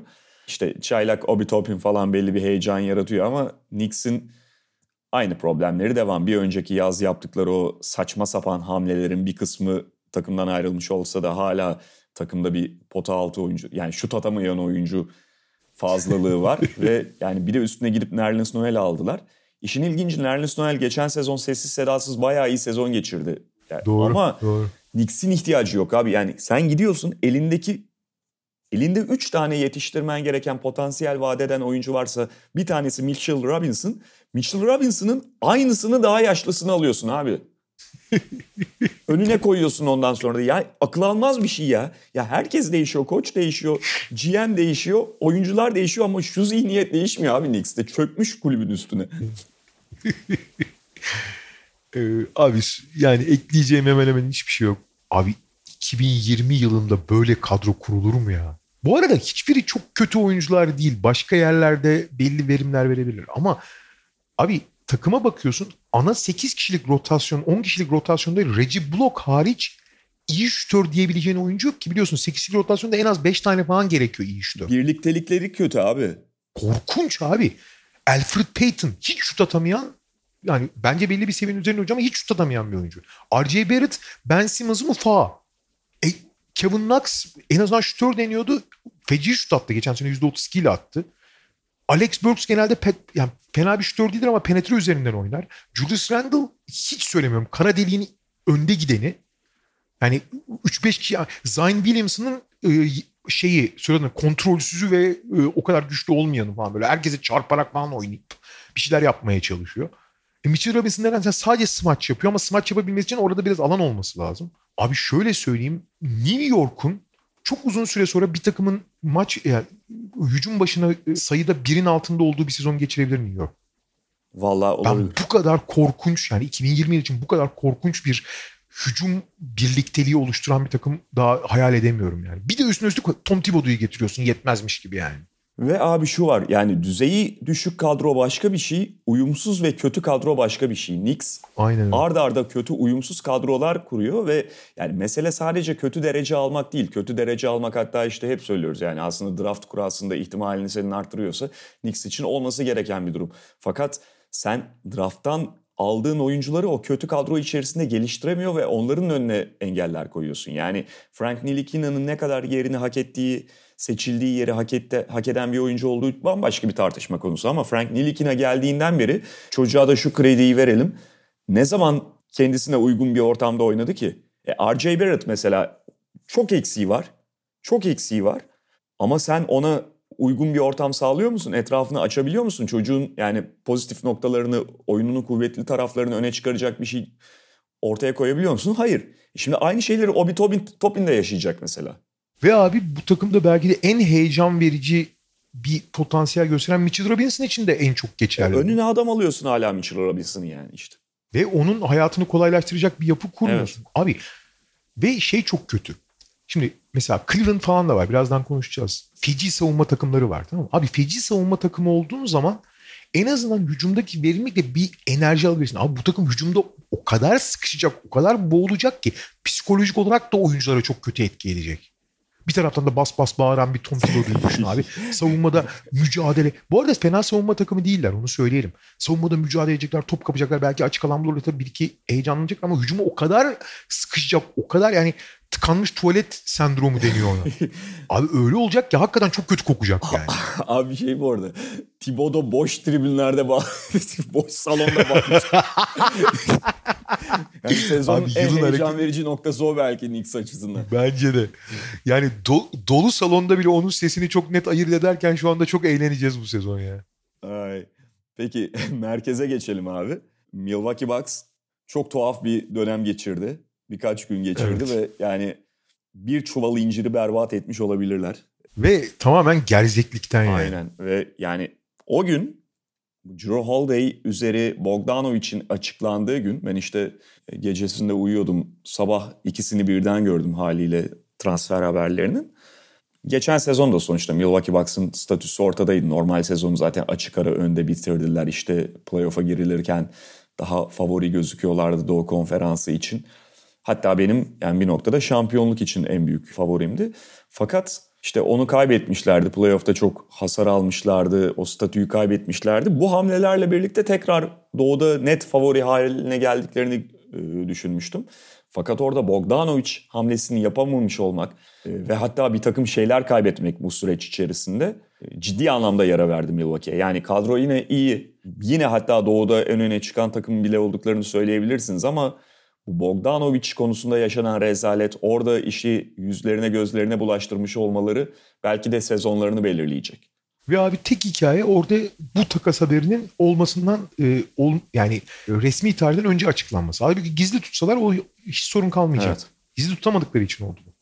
Neyse olan oldu. Bir kere rezalet ayrı konu. Daha önemlisi yalnız bütün bu hamleleri yaparken başta Holiday hamlesini Abi öyle bir geleceklerini ipotek, et, ipotek ettiler ki Drew Holiday gibi sezon kontratının son sezonunda bir açıkçası değerli ama çok büyük fark yaratmayan bir oyuncu için yani Middleton Antetokounmpo eksenine üçüncü bir All-Star katılım diye ki Drew Holiday'in All-Star olup olmadığı biraz soru işareti. Derken abi beş tane draft hakkı verdiler ya. Şimdi abi yani bunları yapmanın bir tane sebebi var. Abi bu takımın varoluş sebebi Yanis Antetokounmpo. Hı hı. Yani şampiyonluktan daha birbirine bağlantılı şeyler belki ama şampiyonluktan daha önemli şey Yanis Antetokounmpo'yu tutabilmek.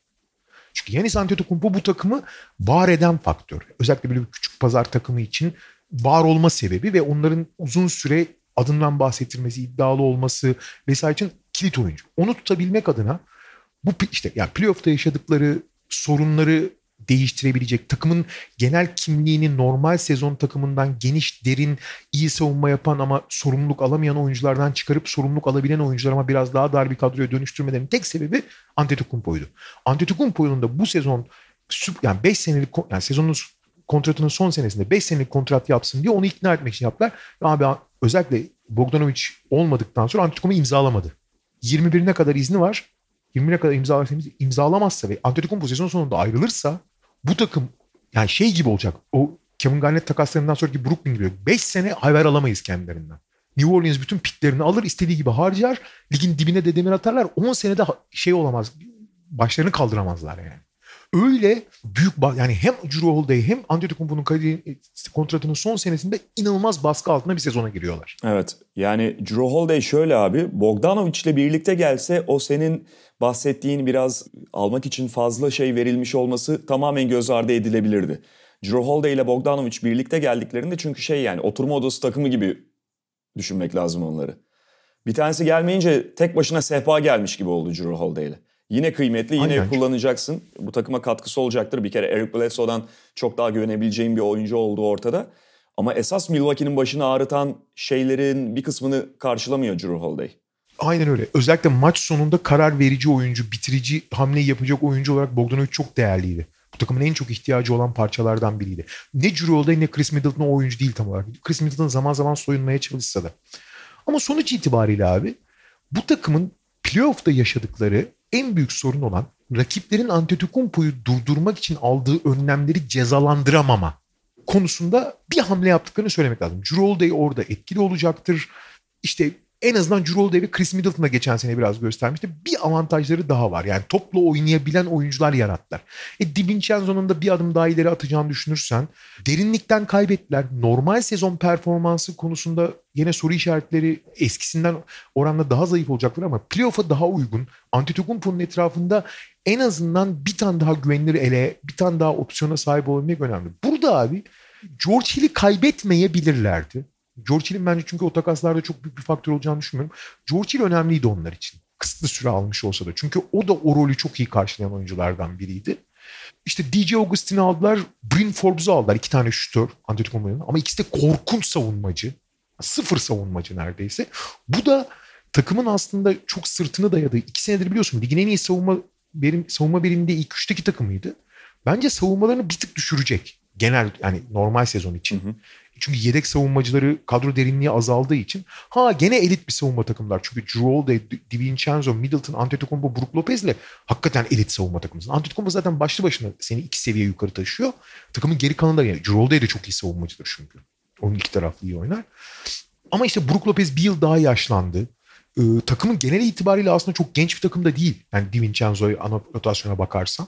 Ne yapacaklarını göreceğiz ama üzerlerindeki baskıyı ve eğer bu sene yine başarı görece başarısız olarak görülen bir sezon olursa ben iki sene önceki sezonun başarısız olduğunu düşünmüyorum şahsen. Hani evet e, şeye elendiler. Bir söyle adını. Miami'ye. Miami, Miami'ye değil önceki sene. Ha Toronto'ya. Şey, Toronto'ya elendiler. E, kazanmaları gerekiyordu büyük 2-0'dan elendiler. Bence o sezon başarısızlıktı ama geçen sezon başarısızlıktı net. Eğer yine başarısız bir algı olursa ve Antetokounmpo ile Drew ayrılırsa gidip herkes şeyi sorgulayacak. Abi o zaman siz bu kadar yatırım yapacaksınız. Marcon Brogdon'u niye bıraktınız para için demez mi yani? Tabii ki. Ve e, bu arada hani o iki sene önce Toronto'ya elenirken aslında o seride 3-0 öne geçmenin eşiğinden döndüğünü hatırlatalım tabii, Milwaukee'nin. Yani uzatmada kaybettiler 3. maçı. Ha burada abi bak yeri gelmişken çok güzel. O, o seride korkunç bir coaching yapmıştı şey. Budenholzer. Budenholzer'ın da artık biraz aklını başına evet. devşirmesi lazım. Eğer bu mesela bu playoff'ta da atıyorum Antetokounmpo 33 dakika ortalamayla oynayıp gene elenirlerse baba sen zaten bu işi hak etmiyorsun denir yani. Dün hazırlık maçında 30 dakika mı ne oynatmış? belki belki bir adımdır. Ee, peki Indiana Pacers onlar da en önemli değişimi koçla yaşadılar en azından şimdilik. Ee, Nate Bjorkgren şeyin ekibinden geldi. Ee, Toronto Raptors'tan Nick Nurse'un e, ekibinden geldi. Indiana Pacers'ın başına geçti. Macmillan'la ayrılmıştı zaten yolları Indiana Pacers'ın. Yani şöyle Nate McMillan dönemi için daha önce de konuşmuşuzdur. Zaten şunu söyleyebiliriz. Hiçbir zaman aslında McMillan başarısız değildi. Hatta belli dönemlerde gayet başarılı olduklarını da söyleyebiliriz. Mesela ben kendisine çok inanan biri değilimdir. Ee, ama ben de. Zaman zaman çok olumlu anlamda beni şaşırtmıştı. Çok iyi basketbol oynuyordu Indiana Pacers. Oladipo'suz dönemlerde falan gayet akıcı bir takım basketbolu vardı Pacers'ın. Fakat şeye ikna olmuş e, olmalarını anlayabiliyorum. Yani Nate McMillan iyi güzel ama bizim bu kadroyla bir sonraki seviyeye geçmemizi McMillan sağlayamaz kararına varmış olabilirler ki Nate McMillan'ın yani önceki işlerine işte şeye falan da bakarsan Portland'da Portland'da da mesela bayağı iyi kadrolar. Evet sakatlık problemleri de oldu ama hiçbir zaman zaten beklenen düzeyin biraz daha ötesine geçen bir performansı yoktu Macmillan'ın. Ee, belki öyle bir kabule vardılar ve Macmillan'ı geçen sezonun sonunda değiştirdiler. Ama tabii kadro çekirdeği devam ediyor ve belli soru işaretleri var işte. Victor Oladipo bu takımda devam edecek mi? Hangi düzeyde olacak birincisi? İkincisi Sabonis Turner ortaklığıyla bu pot altı ikilisiyle nereye kadar gidebilecekler? Björkren'in basketboluna bu kadro yine aynı şekilde uyum sağlayabilecek mi? Valla Miles Turner'ı da e, ayırmaya çalıştılar devam etmesi evet. için. Şeye vermeye, Gordon Hayward karşısında Celtics'e vermeye çalıştılar. Olmadı. Celtics'in istememesini de anlamıyorum. Yani istemedi Miles Turner'ı ki iyi olabilirdi ama çok inanmıyorlar demek ki. Ee, senin söylediğin şeyler çok önemli. Abi Nate McMillan'la ilgili şöyle bir şey. Nate McMillan bir takımın tabanını yukarı çekip tavanını aşağı çekiyor. Yani abi o kadar basit, o kadar ilkel e, ve o kadar fırsat eşliğinde da, dayalı bir basketbol oynatıyor ki abi hiyerarşi hiç kuramıyorsun ve çok basit kalıyorsun. En önemlisi abi. Geçen sene Bubble'ı düşün tamam mı? En basit örneği ki bunu geçtiğimiz sezonlara ve birkaç yani Portland'da falan da yayabiliriz. Abi geçen sezon Bubble'da TJ Warren gözümüzün önünde Michael Jordan'a dönüşmüştü. Çılgınlar gibi oynuyor. Abi bakıyorsun en kritik maçlarda playoff maçlarında 10 hücum gidip geliyorlar. TJ Warren'a bir kere falan top geliyor. Abi bu, bu böyle bir şey olamaz ya. Kabul edilemez bu yani. Björkgren'in biraz daha dengeli, biraz daha işte Domantas Sabonis'te Miles Turner'ın dakikalarını ayırdığı, geçen sezon çıkış yakalayan Justin Holiday'e daha doğrusu forma adaleti Türk futbolundan gene klişe alalım abi. Forma adaleti sağlayıp işte Justin Holiday'i biraz daha aktif kullanacağı vesaire bir yapı kuracağını varsayıyoruz. Björkgren için çok iyi şeyler söylüyor. Daha verimli oynayacak kesin. Sadece bu bile bir artıdır. Sadece bu bile işte Miles Turner'ın Sabonis'in dakikalarını dağıtması, daha kısa beşlerle, daha özellikle hücum tarafında skorer oyuncuların üzerine yöneldiği e, senaryolar falan vardır. Fakat burada çok önemli bir soru işareti var. Nasıl Kevin Durant Brooklyn için belirleyicisi bir takımın en önemli oyuncusu zaten hani her takım için geçerli. Bazı takımlar için çok daha kritik olabiliyor. Burada da abi Oladipo. Abi Oladipo kontratının son senesinde zaten sene başında gitmek istediğini falan söyledi. Geçen sene de isyan etmiş. Çok mutlu ve çok rahat olmadığı kesin. Onu görüyoruz demeçlerinden. Fakat daha büyük bir problem var. Oladipo sakatlık öncesi e, ligin en önemli oyuncularından biri. All NBA olmuştu yani. Fakat sakatlık sorusu o oyuncuyla alakası yok. Sen biraz evvel Aşil'e anlattın abi Aşil'in oyuncuları. Abi Oladipo da aslında Aşil'e çok benzer bir sakatlık yaşadı. Sadece topukta değil dizde yaşadı onu. Dizdeki üst ligamentini kopardı. Aynı mantık abi. Kası yani bacak kasını kemiğe bağlayan ana bağı kopardı abi. Quad ligamentini kopardı yani. Ve abi görüyoruz döndüğünden beri eski oyuncuyla alakası yok. Üstüne üstlük biraz Kobe'ye daha çok benzetmek lazım. Durant gibi o ligamentin sakatlığının oyununu daha az etkileyici oyunculardan biri. Tam tersine tamamen atletizme dayalı bir oyuncu olduğu için o oyununu çok kötü etkiliyor. Sahada görüyorsun abi istediği gibi hareket edemiyor. Ama asıl sorun yine aynı Kobe gibi kendisini eski oyuncu gibi zannediyor. Ve eski oyuncu gibi oynamaya çalışıyor. O yüzden hani bırak performansının düşmesini zarar veriyor abi. Victor Oladipo bugün takas edilse takım için yani takımdan ayrılsa daha iyi olacak duruma geldi. Ha Oladipo daha iyi olup biraz en azından nötr ya da artı oyuncuya dönüşürse potansiyelleri yüksek ama Oladipo hem profilde bir oyuncu olmaya devam et, edip bu kadar oyunu baltalarsa kendi içlerinden yıkacak onları.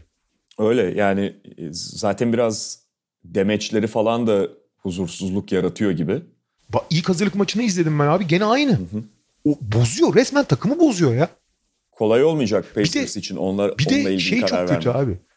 Bir de şey çok kötü. Takımdaki hemen hemen herkes şey resesif karakterler olduğu için kimse öne çıkıp bir, biraz Malcolm Brogdon abi çok zeki ve yani olağanüstü bir e, entelektüel olduğu için Brogdon dışında kimse Oladipo'ya da çıkıp hani Oladipo alfa olarak şey sürünün de liderliğini yaptığı için kimse bir şey de diyemiyor. Hı hı. Abi Björkgren'in en büyük sınavı o olacak.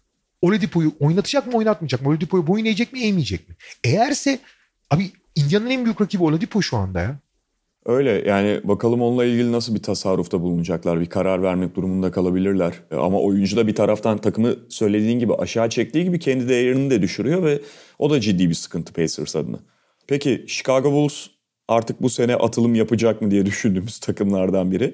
E, Chicago Bulls da aslında bu arada kısmen sessiz bir yaz geçirdi. Yani Karnisovas başa geldikten sonra genel menajerliğe geldikten sonra takım pekala ciddi değişimlere açık e, bu potansiyeli veren bir takımdı. Hatta zaten Wendell Carter'ı Golden State'e önerdikleri orada bir draftta yukarı tırmanmaya çalıştıkları söyleniyor. Ama çekirdekleri aynı kaldı. İşte Patrick Williams gibi bir üst sıra seçime eklendi takıma. Ama onun dışında kadroda eski oyuncular hemen hemen aynı şekilde duruyor. Eski çekirdek aynı şekilde duruyor. Tabii Kobe White'ın gelişimini bekliyorlar. İşte Otto Porter, Laurie Markkanen gibi Wendell Carter'ı da onlara ekleyebiliriz. Geçen sezon sakatlık nedeniyle hemen hiç katkı veremeyen 3 oyuncu tabii ki bu sene yine takımın merkezinde yer alıyor. Onlar da takımın gelişimine katkı sağlayacaktır. Ama temelde hani GM değişikliğinin yanında bir de koç değişikliği yaşandı bu takımda. Zaten en önemlisi de o. Bill Donovan'ın takımın başına geçmesi. Bill Donovan da hani Oklahoma City'den de zaten iyi tanıyoruz. Çok kendisiyle ilgili konuştuk. Yani müthiş bir taktisyen olarak öne çıkan koçlardan değil NBA'de Bill Donovan ama bu takımın öncelikli ihtiyacı da zaten o tip bir koç değildi belki. Sonraki yıllarda daha fazla öne çıkabilir ve Bill Donovan'ın bu konudaki limitleri belki hissedilebilir Chicago'da ama öncelikle böyle oyuncuyu ayar etmeyecek. yani Zach Lavin'in falan böyle oynatma ellerini koçum falan diye karşılık vermeyeceği bir koç gerekiyordu. Bill Donovan saygı uyandıran bir koç soyunma odasında. Chicago'lu oyuncular da zaten pozitif yaklaşmıştı. Yani öbür tarafta şeyi e, Boylan'ı öldüreceklerdi biraz daha devam etseydi o birliktelik. Abicim Boylan göreve geldiğinde dördüncü günü greve gittiler ya. dördüncü günü abi. Yani maç içinde biliyorsun ne yapıyor lan bu manyak falan diyordu Zach Lavin. Yani her şeyi bir tarafa bırak. Boylan'a olan tepkilerinden dolayı çok daha istekli ve şey mutlu olacaklardır. Bu bile takıma bir seviye atlatır abi. O kesin. İkincisi ben bu takımın potansiyeline zaten inanıyorum abi. Çok açık alanı çok iyi oynayabilecek bir takıma sahipler. Billy Donovan biraz özgürlükten mesela e, tek sorun orada abi Kobe White, Tomas Satoranski seçimini nasıl yapabilecek? Kobe White iyi bir skorer olduğunu gösterdi ama hiç organizatör değil. Satoranski de biraz tersi. Her ne kadar şutunu bir seviyeye getirmiş olsa da iyi bir organizatör ama Kobe White gibi bir skorer değil. Fakat takımın skoru zaten yeterince var. Yani Lavin ve Mark Canon'in sağlıklı olduğu senaryolarda. E, Otto Porter gibi bir tamamlayıcı. Otto Porter'ı unutuyoruz abi. Otto Porter her şeyi yapabilen o bu dönemin en değerli dış kanat oyuncularından biri. O sağlıklı olduğu sürece tabii ki bir senedir basketbol oynayamaması onun seviyesi açısından bize çok sinyal veremez ama o tamamlayıcılığı gösterir. Organizasyon Satoranski, Kobe White dengesini sağlayabilirlerse bu takımın özellikle işin hücum tarafında çok ciddi potansiyeli var. Savunma tarafına dönersek Abi o Boylan'ın yaptırdığı saçma sapan her yerde trap yapan bu hani 2013-2014 Miami'nin aynı malzemeye sahip olmayan ve çok daha gerek, beceriksiz savunmasını yapmayacaklardır doğal olarak. Yani onu zaten dünya üzerinde yapabilen bir Miami vardı. O da kısa sürelerde yapabiliyordu. Yapamazsın abi öyle her yerde trapli savunma. Ne yapıyorsun abi? Ortaokulda mıyız yani? Ki o savunmanın bel kemiği olan ve belli bir oranda verimli olmasını sağlayan Kristan da ayrıldı. Biraz daha normal savunma yaparlar ve savunma potansiyelini en azından vasata yaklaştırırlarsa ki takımın Boylan'dan sonra istekli olacağını düşünerek bence vasata da yaklaştırabilirler. Bu takımın hücum potansiyeli oldukça yüksek. Kaldı ki Billy Dunham'ın geldiği günden beri Wendell Carter Jr.'ın kullanımı konusunda hem söylemleri hem uygulamalarına bakınca onun da daha verimli olabilir. Çünkü Wendell Carter Jr. belli oranda pasör, şutu da fena değil. Onu daha aktif kullanacağını görüyoruz. Bu da işte Kobe White'ın mesela oyun kuramama özelliklerini belki biraz dengeler. Wendell Carter'ın da bir pas rota istasyonuna dönüşmesi falan. Ee, tabii ki çok ham, tabii ki savunmada problemli, tabii ki kazanmayı çok bilmeyen bir takım. Sakatlık riskleri yüksek Porter'ın da, Markkanen'in de, Lavin'in de. Ama bu takım da hakikaten birbirini tamamlayan, hücum anlamında gerçekten üst düzey olabilecek bir potansiyel de var. Ve ben o potansiyele bayağı inanıyorum ya. Yani ben net play'in için mücadele edeceklerini ve hakikaten biraz kendi küçümseyen her takımın çok ıı, canını yakacaklarını düşünüyorum. Ben de. E... Bu arada e, şey son olarak şey düşünüyorum. Patrick Williams da iyi gözüktü bu arada. Çok inanıyorlardı ona. Patrick Williams'ın da normalden beklenenden bir çayraktan fazla katkı vere, verebileceğini söylemek lazım. Bir tane önümüzdeki dönemde yani çok kısa vadede olmayabilir ama mesele haline gelebilecek şey Zach Lavin'in durumu. Kontrat yani iki sene var ama yavaş yavaş hani extension alacak mı e, tartışmaları başlayacak. Ve onunla ilgili kararı biraz dikkatli vermesi gerekiyor Chicago Bulls'un.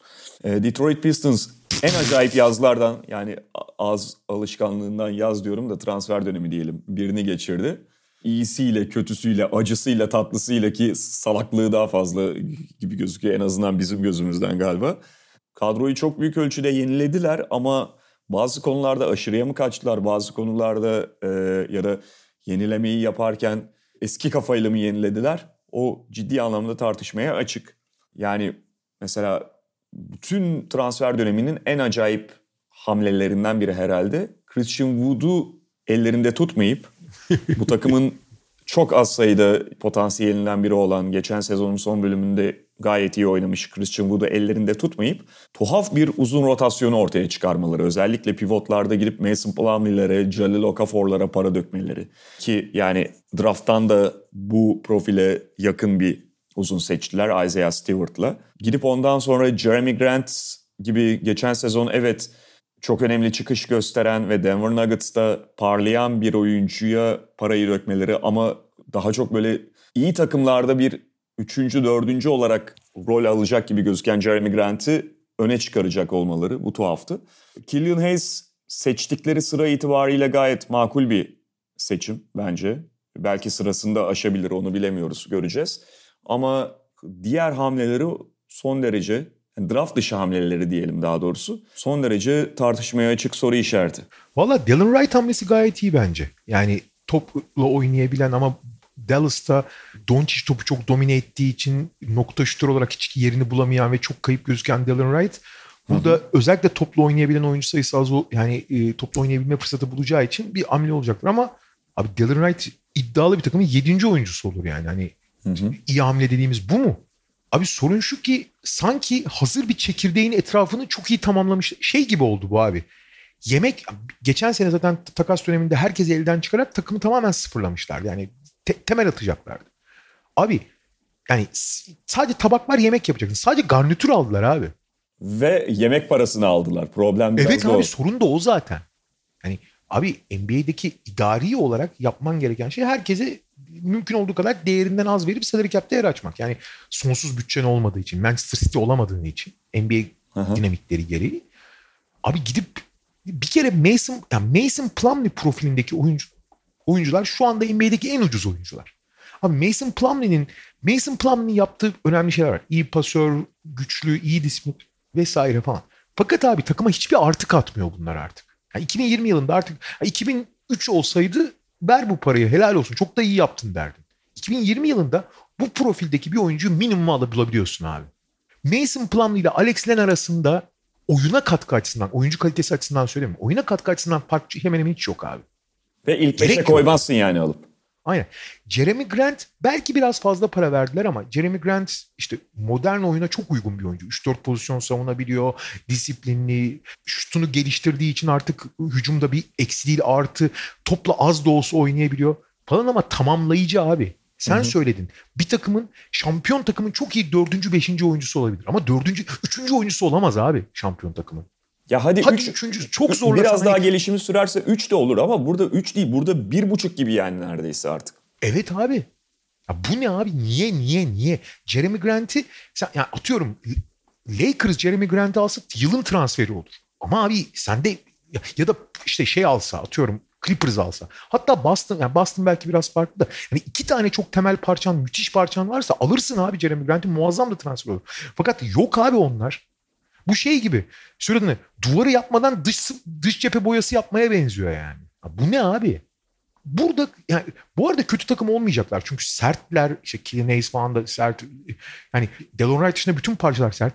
Alan paylaşımı konusunda çok problemli değiller. İşte Wayne Ellington, Svi Mihailuk gibi bir miktar Jeremy Grant gibi şütörleri falan da var. E, Sadık Bey. Gibi, Sadık Bey, Derrick Rose gibi e, geçen sezonki performans yüzünden çok önemli bir alternatifleri var. 20 dakika falan muazzam performanslar bizim delici lider oyuncu alabilirsin. Ama abi merkezde takımın ana yapmaya çalıştığı şeyleri yapacak oyuncu. Burada kritik oyuncu Blake Griffin abi. Şimdi Blake Griffin'i geçen sene gördük. Abi ben sahada görürken üzülüyordum ya. Hı hı. Yani fantezi takımında olduğu için değil. Abi tek ayağı alçıda gibiydi ya. Resmen ayağını sürüye sürüye koşuyordu ki zaten sezonun önemli bölümünü oynamadı zaten. Bu seneye iyi geldiği söyleniyor ve fena gözükmüyor. Tabii ki eski Black Griffin gibi olmasını beklemiyorsun ama neyse ki o da oyununu değiştirmiş. Biraz daha Lebron vari işte dışarıdan oyun kuran, şut atan, e, atletizmine çok daha az ihtiyaç duyan bir oyun oynuyordu. Ama sonuçta yürüyebilmesi lazım abi. Yürümeden de basketbol oynanmıyor. Hadi hoplayıp zıplasın demiyorsun. Blake Griffin'in görece sağlıklı kaldığı bir senaryoda bu takım çok kötü olmayacak. Ama ileri hani yaptığın bütün hamleler belli bir seviyedeki takıma bir basamak daha çıkarmak için. Yani atıyorum bu takım 15. basamakta olsa 17. basamak ama abi daha birinci basamaktan ne yapıyorsun abi? Bu çok sene... kötü olmayacak. Çok kötü olmayacaklar bence bu sene ama çok kötü olmamak iyi bir şey değil. Hele ki böyle fiyattan böyle bir kadro yapılanmasıyla. Ben abi çok uzun süredir idari olarak bu kadar saçmalanmış bir yaz daha görmedim ya. Ve yeni yönetimle, yeni GM'le yaptılar bunu. Evet. Bütün kredisini tüketti ya. Bu ne abi? Bu ne ya? Abi orada şeyden de bahsedelim bu arada. Yani Uğur Ozan hani bunu başka yayında da söylediği için gizli değil. Tuhaf bir durum var. Şimdi bu şeyde Clippers takasında mıydı? Dört tane ikinci tur gönderdiler ya bir anda. Onu basın açıklamasında sadece e, yer verdiler ona. Amerikan medyasında mesela o dört ikinci turla ilgili çok fazla konuşulmuyor. Yani verildi. Evet bir kayıp falan ama detayıyla ilgili çok fazla şey konuşulmadı. Bir anda dört tane ikinci tur gitti. Ve sonradan ortaya çıktı. Urozan ondan bahsetmişti yani şey diye takasta bir hata yapıyorlar ve ceza kesiyor ondan sonra NBA.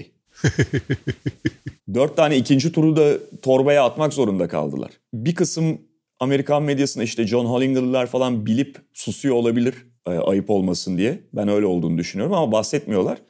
Bizim en azından öyle bir sınırımız olmadığı için e, bilgiyi de almışken söyleyelim. Pota, pota, Potacast'te kimsenin adamı olmayacağız. yani şey Troy Weaver biraz böyle beklentiyle kendisinden daha önce olumlu bahsedilen bir yönetici olarak gelmişti ama çok tuhaf hamleler yaptı ve böyle bir de arada ikinci turları falan vermek zorunda kalması da tabii ki çok önemli bir negatif. Aynen. Bir de bürokratik hata üstüne yani. Cleveland Cavaliers yine kısa konuşabileceğimiz takımlardan bir tanesi. Ee, Abi bu seneki Cleveland New York maçını çok merak ediyorum ya. Yani 2020 nereye düşülebilir için, anlamında. Abi 2020 yılı için e, olabilecek en kötü savunmayla olabilecek en kötü hücum karşı karşıya gelecek. Nasıl olacak çok merak ediyorum ya. Onlarda da çok fazla şey değişmedi. Ee, sadece işte en önemli hamle drafttan Isaac Okoro'nun gelmesi. İyi de gözüküyor bu arada Isaac Okoro. Ee, ama yani takımın mevcut problemleri devam edecek. İşte Sexton Garland ikilisi, Garland'dan bir NBA oyuncusuna benzer bir şey çıkmaya başlayacak mı? Sexton daha olgun oynayabilecek mi? Kevin Love'ı ne yapacaklar sorusu. Gerçi bunun çok fazla merak uyandıran bir tarafı yok yani takas edilemez bir kontrat açıkçası. Çok fazla ee, ya da çok onun gibi bir kontrat alacaksın karşılığında. Andre Drummond gelmişti geçen sezonun ortasında. Böyle bir kadro Cleveland Cavaliers. Savunma anlamında korkunç bile değiller abi. Takımın en iyi savunmacısı Cedi Osman öyle söyleyeyim ki Cedi tamam birkaç pozisyon savunabiliyor çok iyi niyetli falan ama yani ortalamanın biraz üstü bir savunmacı Cedi o kadar. Yani Okoro fena değil ama o da çaylak. Abi Garland sıfıra yakın. Sexton'ın savunmanın ne olduğunu bilmiyor bile. Yapabilmeyi geçtim. Savunma nedir onun konuda hiçbir fikri yok yani. Drummond hadi çok iyi reboundçı olduğu için bir artısı var ama yani pozisyon savunmak, mobilite falan modern uzunun gereklikleriyle falan hiç alakası yok. Kevin Love'ı zaten söylemiyorum. Abi güle oynaya 140 yerler yani her takımdan. Ha hücum anlamında ilginç abi. Şimdi Kevin Love tabii ki eski gücünde değil ama önemli bir hücum silahı. E, Drummond abi pot altında öyle ya da böyle bir bitirici. Colin Sexton'ı özellikle şimdi çok eleştiriyoruz ki çok haklı olarak eleştiriyoruz. Çünkü dünyanın en kötü pasörlerinden biri. Yani her topla bir şey başkasına bir şey üretmeye çalıştığı zaman top kaybediyor zaten. Aman vermesin diyorsun ama sezonun ikinci yarısında gerçekten üst düzey bir şut skorere dönüştü. Colin Sexton iyi skorer abi. Muazzam delici şut falan belli bir yere geldi. Çok iyi skorer yani. E Garland da geçen sene az da olsa ilerleme kaybetti. Kevin Porter Jr. geçen seneyi sakatlığına kadar hiç fena geçirmedi. Hı hı. E Cedi gibi tamam yani üst düzey olmasa da bir, yani birçok şeyi tamamlayacak parça var. Hücum anlamında fena değiller aslında. Çok dağınık parçalar olmasına. Fakat abi şimdi hücumla savunmayı bu kadar da ayırmamak lazım. Çünkü hücumun savunmayı savunmanın hücumu tetiklediği bir durum var. Özellikle 2020 yılındayız. Yani çok hızlı geçiş oyunları oynandığı için yani savunmada kimseyi durduramadığında hızlı gelemiyorsun. Diğer tarafta işi engel oluyorsun. Abi yani bu kadar korkunç bir savunmayla ne olacaklar merak ediyorum. Geçen sene biliyorsun Washington sağ olsun rekor kırmalarını engelledi onların. Bu sene şey hücum başına yenen sayıda NBA rekorunu çok rahat kıracak kırabilirler yani. Sezon içi takas ihtimali en yüksek takımlardan biri Cleveland Cavaliers. Yani hani e, takas yapalım da playoff iddiası içine girelim, yarışa girelim diye değil ama bu parçaların birlikteliği kötü bir birliktelik. Biraz önce Knicks için konuştuğumuz gibi farklı anlamda kötü bir birliktelik ve biraz daha bunu dengelemek için o maksatla takas yapabilirler. İşte mesela ne bileyim Garland'ı başka bir potansiyelle belki yine bekleneni çok veremeyen bir potansiyelle değiştirmek gibi. Kevin Porter bilmiyorum karakterinden ne kadar memnunlar. Çünkü söylediğin gibi bir şeyler gösterdi ama bunun dışında sağ dışında önemli problem. Belki ondan vazgeçebilirler. Biraz daha yaşı ileri oyunculardan Larry Nance bence iyi bir takas malzemesi olabilir. Çünkü değerli Larry bir oyuncu. dışında bu, bu arada Larry Nance dışında diğerlerinin çok takas değeri de çok sorunlu yani. Ya tabii ben hani e, kısıtlı zaten bir havuz içerisinden onları belki takas edebilirler diyorum. Yani değiştirmek anlamında bize bir de şunu deneyelim bununla olmuyor gibisinden bir karara varırlarsa. Larry Nance Jr. oldukça değerli ama bu takım için lüks olabilir ilerleyen dönemde. Hatta şu anda öyle ve onunla belki bir pik falan almaya çalışabilirler. Gözetilmesi gereken konulardan biri. İşte bakalım Drummond falan da ne, yap- ne yapacaklar. Drummond'un kontratının son sezonu. Belki onunla bir hamle yapabilirler ama o da çok sınırlı bir hamle olur. Drummond'un ama çok çabayla oynayacağını tahmin etmek güç değil kontrat sezonu olduğu için. Bir tane daha kapalım Ama abi- diye. Abi hakikaten New York Cleveland maçını çok merak ediyorum. hiç hücum edemeyen New York'la hiç savunamayan Cleveland. Çok eğlenceli olacak. Yani. Bence de. Peki Güneydoğu'ya geçelim. Miami Heat finalist Miami Heat yine sessiz bir yaz geçirdi. Onların da tabii gözünün gözü büyük ölçüde 2021'deydi. Dolayısıyla çok agresif bir dönem transfer geçirmemeleri zaten bekleniyordu. Arada da Jay Crowder gibi takımın önemli parçalarından birini kaybettiler. E, yaptıkları en öne çıkan iki hamle rotasyona Avery Bradley ve Mo Harkless eklemeleri. E, bir de Precious Achiuwa'yı aldılar. E, çaylak oyuncu pivot rotasyonuna dahil olacak ama ilk etapta çok fazla süre almayabilir. E, büyük ölçüde hani geçen sezonun o finalist kadrosunu koruyor Miami Heat. Finalist kadrosunu koruyor ama playoff'taki Miami ile normal sezondaki Miami'nin iki farklı takım olduğunu unutmayalım abi. Bambaşka iki takım onlar. Yani aynı takım değiller.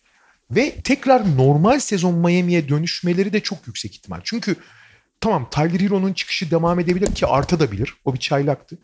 Fakat Goran Dragic'in sakatlıktan dönen Goran Dragic'in sakatlıktan dönmese bile fark etmez. Geçen seneki playoff'taki playoff hücum lideri konumuna gelmesi çok büyük soru işareti. E keza Jimmy Butler'ın normal sezonda tamamen idare ettiğini, şuta dayalı oynamadığı için etkisinin sınırlı kaldığını biliyoruz. Tek iyi haber geçen sene omuz sakatlığıyla bitiren Adebayo'nun ki omuz sakatlıkları biliyorsun çok uzun sürebiliyor. İlk hazırlık maçında özellikle onu çok dikkatli izledim çok rahattı. En azından Adebayo iyi durumda yani sağlıklı durumda ki Adebayo'nun sağlıklı olması demek geçen sene o mesela playoff'ta yakaladığı çıkışı devam ettirebilecek oyuncular. Çünkü Adebayo geçen sezon en çok gelişme kaydeden oyuncu ödülünde ikinci sıradaydı. Ama playoff'ta esas Adebayo'yu gördük. Yani hücumda da rol alabilen ve şunu artık rahatlıkla söylüyorum. Abi Adebayo yani Adebayo bu takımın en, iyi oyuncusu. En değerli oyuncusu. Jim Butler'ın önünde bence yani. Adebayo bir süper yıldız yani. Modern uzunun net karşılığı yani. Bugün NBA'de işte Embiid, Anthony Davis diyorsun. Ligin en iyi uzunu tartışmasında onlar, tabii onların seviyesinde olmasa da onlardan daha çok yönlü ve daha belki de ideal bir 5 numara olabilir. Çünkü Anthony Davis, Anthony Davis sürekli 5 oynasa muhtemelen daha iyi dersin Adebayo'dan. Ama Adebayo sürekli 5 oynadığı için, o rolü de sevdiği için muazzam, yani çok çok üst düzey bir oyuncu Adebayo. Çok çok üst düzey. Üstüne üstlük Adebayo'nun iyi yaptığı şeyler hani uyum diyorsun ya bu takıma o kadar uyumlu ki. Bu takımın çünkü hep söylüyoruz ya hücumcuları ve savunmacıları var. O savun, yani kötü savunmacıların eksiklerini ancak Adebayo gibi bir güçle kapatırsın veya kendini tamamen vermiş bir Davis gibi bir güçle. Yani Adebayo'nun bu takımda olması daha da değerli kılıyor onu takımı bir araya getirmek açısından.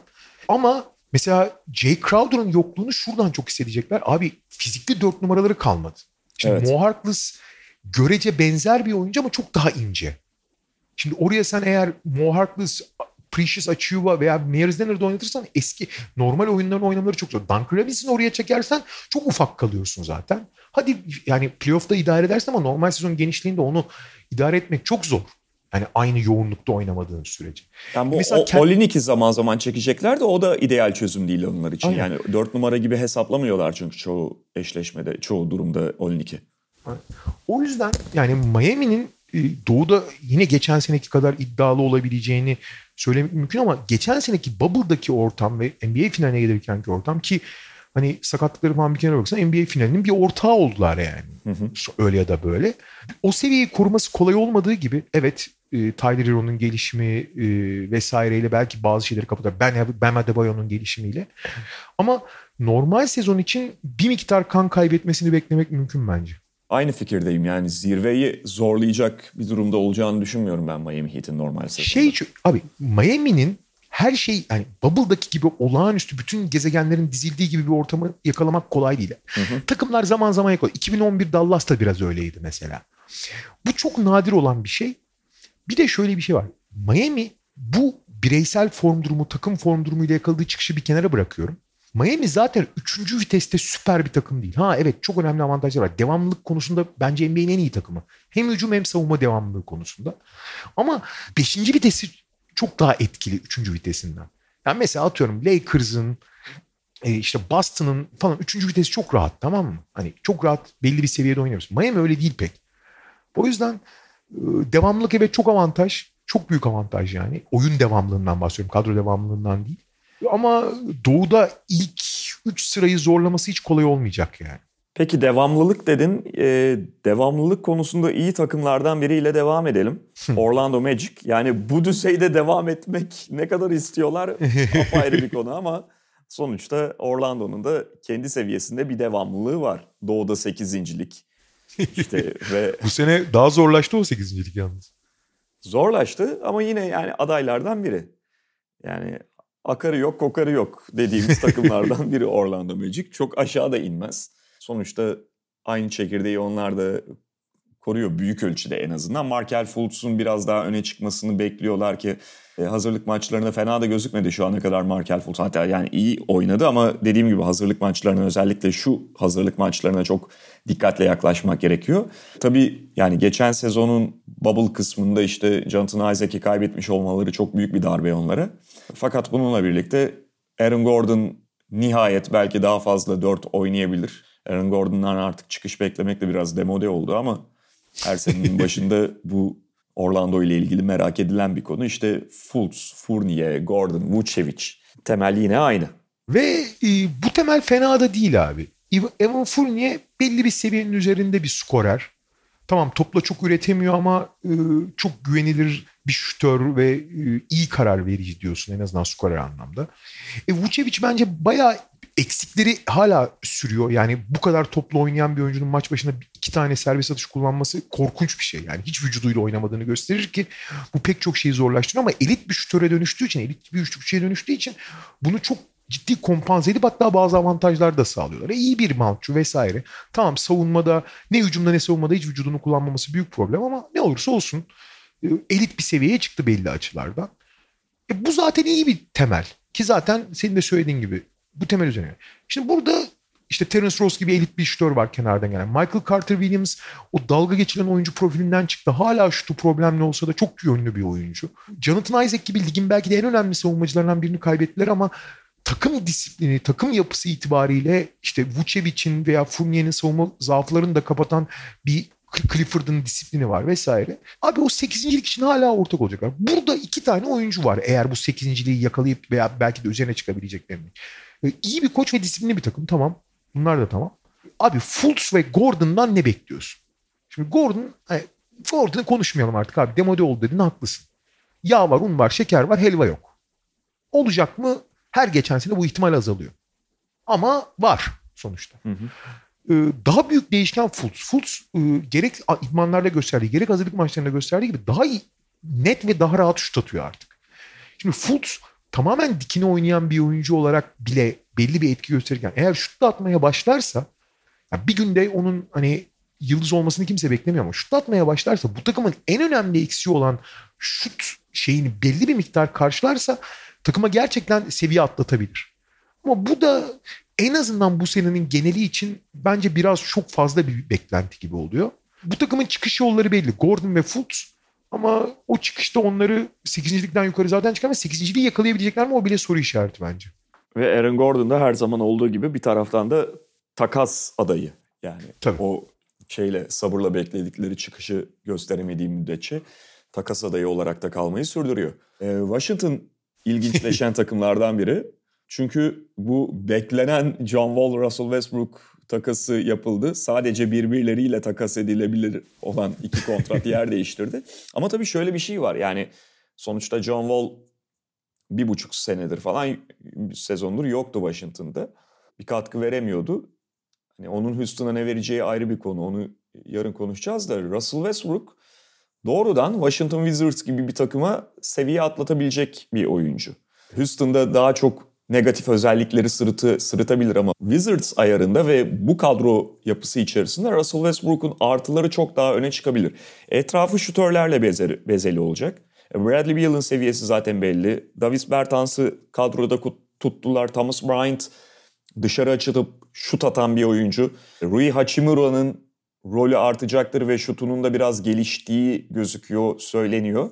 Oraya bir de Deni Avdia'yı eklediler. Yani onun şut performansı biraz iniş çıkışlı olabilir. Geçen günkü hazırlık maçındaki 6'da 6'ya çok kalmamak gerekiyor ama Avdia yine işte şut atabilen, topla oynayabilen forvet olarak oraya eklendi.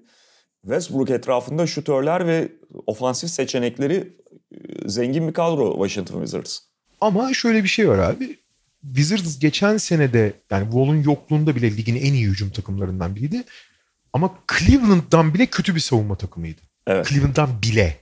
Abi Westbrook'un işin savunma tarafına bırak katkı vermesini yani ligin en kötü savunmasını daha aşağı çekebilecek bir savunmasızlığı var. Şimdi e, Westbrook'un senin söylediğin bir etrafında şütörler olduğu zaman o deliciliğini falan etkili kullanamıyoruz. Fakat şöyle bir şey var abi. Westbrook abi eski gücünde değil Westbrook.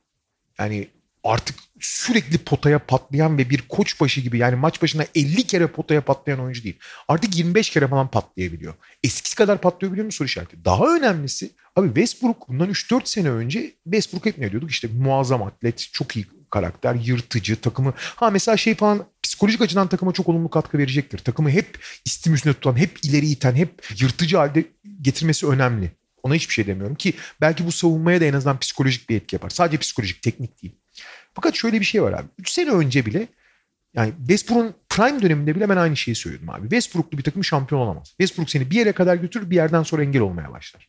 O zamanlar Westbrook iyi bir stop jump shot'a sahipti orta mesafen. Hatırlarsın roket gibi gelir foul atış çizgilerinde durur kaldırır şut atar ve sokardı.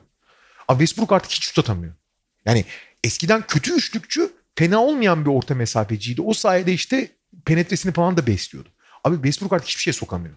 Hiç ama yani. Serbest atış bile atamıyor abi artık. Eskiden ilginçtir mesela o kadar kötü bir şut olmasa hemen iyi bir serbest atışıydı. Serbest atış bile atamıyor artık. Yani fiziksel yani tamamen fiziğe dayalı bir oyuncunun fiziksel olarak erozyona uğramasının ne kadar ciddi bir etki olduğunu biliyoruz. Yetmezmiş gibi zaten sorunlu olan bir şutu hiç kalmadı artık. Bu da Westbrook'u artıdan eksiye dönüştürüyor teknik anlamda. Yani o hücumu zarar bile verebilir belli açılardan ki verecek de bence. Psikolojik etkileri falan onlara hiçbir şey demiyorum. Onlar kesin artı olacaktır. Ama yani senin de söylediğin gibi Vol'un tek değiştirilebileceği oyuncuydu. Takıma heyecan getireceği de kesin. Ne olursa olsun izlemesi çok keyifli bir oyuncu falan da teknik anlamda hiç artı olduğuna inanmıyorum ben. Aha öte yandan da yani takıma belli artılar getirecek. Bradley Beal'a geçen sene zaten çok önemli bir yan yani şey ta, e, gardı olan Bradley Beal artık organizatöre de dönüşmüş ve çok komple bir skorere dönüşmüştü. Ona da zarar verecek topu elinden alacağı için. Evet ama Bradley Beal buna adapte olabilecek bir oyuncu. Doğru. Yani. O alışkındı zaten de hani o yeni dönüşen Bradley Beal biraz eski Bradley Beal'e dönüşecek. Bu kötü olacak anlamında değil. Ve yine yani playoff şeyinin içinde olurlar. Yani noksanları konusunda sana katılıyorum ve mesela playoff'ta sürpriz ihtimali bulunan bir takım olamazlar. Yukarıyı üzme ihtimali olan, ters gelme ihtimali olan bir takım bu savunma noksanlarıyla olması imkansıza yakın Washington Wizards'ın. Fakat şu doğu ortamında bu ofansif potansiyelle o yarışın içinde Washington. Hele play en azından, de var. En azından play yarışı. Şey çünkü e, Doğu'nun ortası güçlendi ama altı hala feci ya. Cleveland, Detroit, Detroit falan. New York Charlotte. falan feci. Falan feci. Geçelim Charlotte'a. Ha, gelelim Charlotte'a. Ya iki maçtır işte hazırlık maçlarında iki taneyi geride bıraktılar. Lamelo'nun böyle pasları izletiliyor. Twitter'da dolanıyor. yok arkasından attı, yok şöyle bounce pas attı falan. Ya iyi güzel tamam yani hani belli bir tat katacaktır Charlotte'a ki Charlotte'ın buna ihtiyacı var. Artı Lamelo Ball'un özellikle seçtikleri sıra itibarıyla 3. sırada seçtiler. Seçilmesine hiçbir şey demiyorum. Birçoklarına göre drafttaki en potansiyelli oyuncu olarak da değerlendiriliyordu. Ya fakat Lamelo Ball'un önemli eksiklerle birlikte lige geldiğini, henüz önünde çok yol olduğunu unutmamak gerekiyor. Ya mesela iki maçta toplam 20'de 3 atabildi Lamelo Ball yanlış hatırlamıyorsam. Abi bu tip oyuncuların şahikası Ben Simmons. Tamam mı? Şahikası. Abi Ben Simmons'ın bile nasıl bazı problemler yarattığını görüyorsun. Ki Ben Simmons'ın yaptığı şeylerin seviyesine çıkmak için bir kere o fizik ya Ben Simmons Ben Simmons 2.7 abi 2.8 yani. Hani hı hı. tank gibi bir oyuncu. Yani LeBron LeBron destur ister yani. Öyle bir karakter fizik olarak mı? Abi yani onun bile yarattığı problemler ortadayken işte Lamelo Ball'ların falan hani işi çok çok çok zor.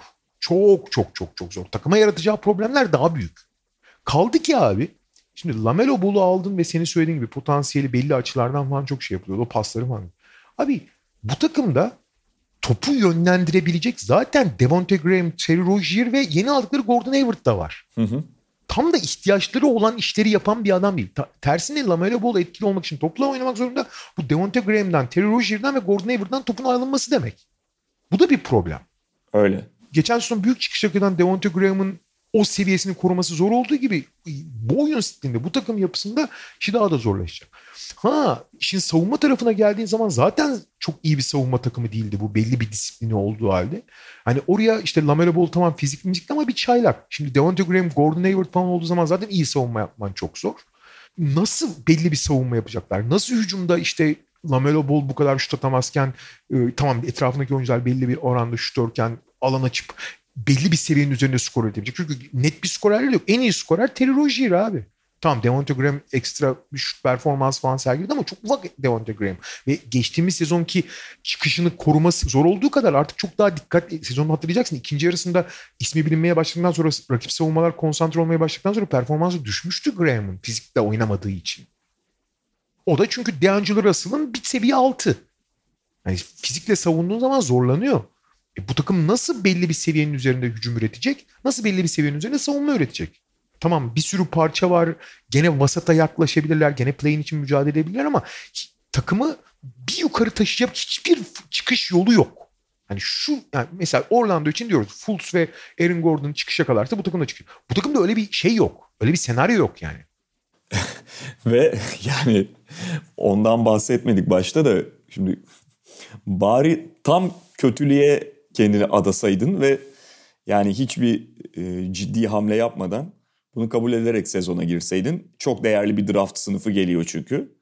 Kura ihtima kuradaki ihtimalini arttırsaydın. Gordon Hayward'a saçma sapan bir kontrat verdiler.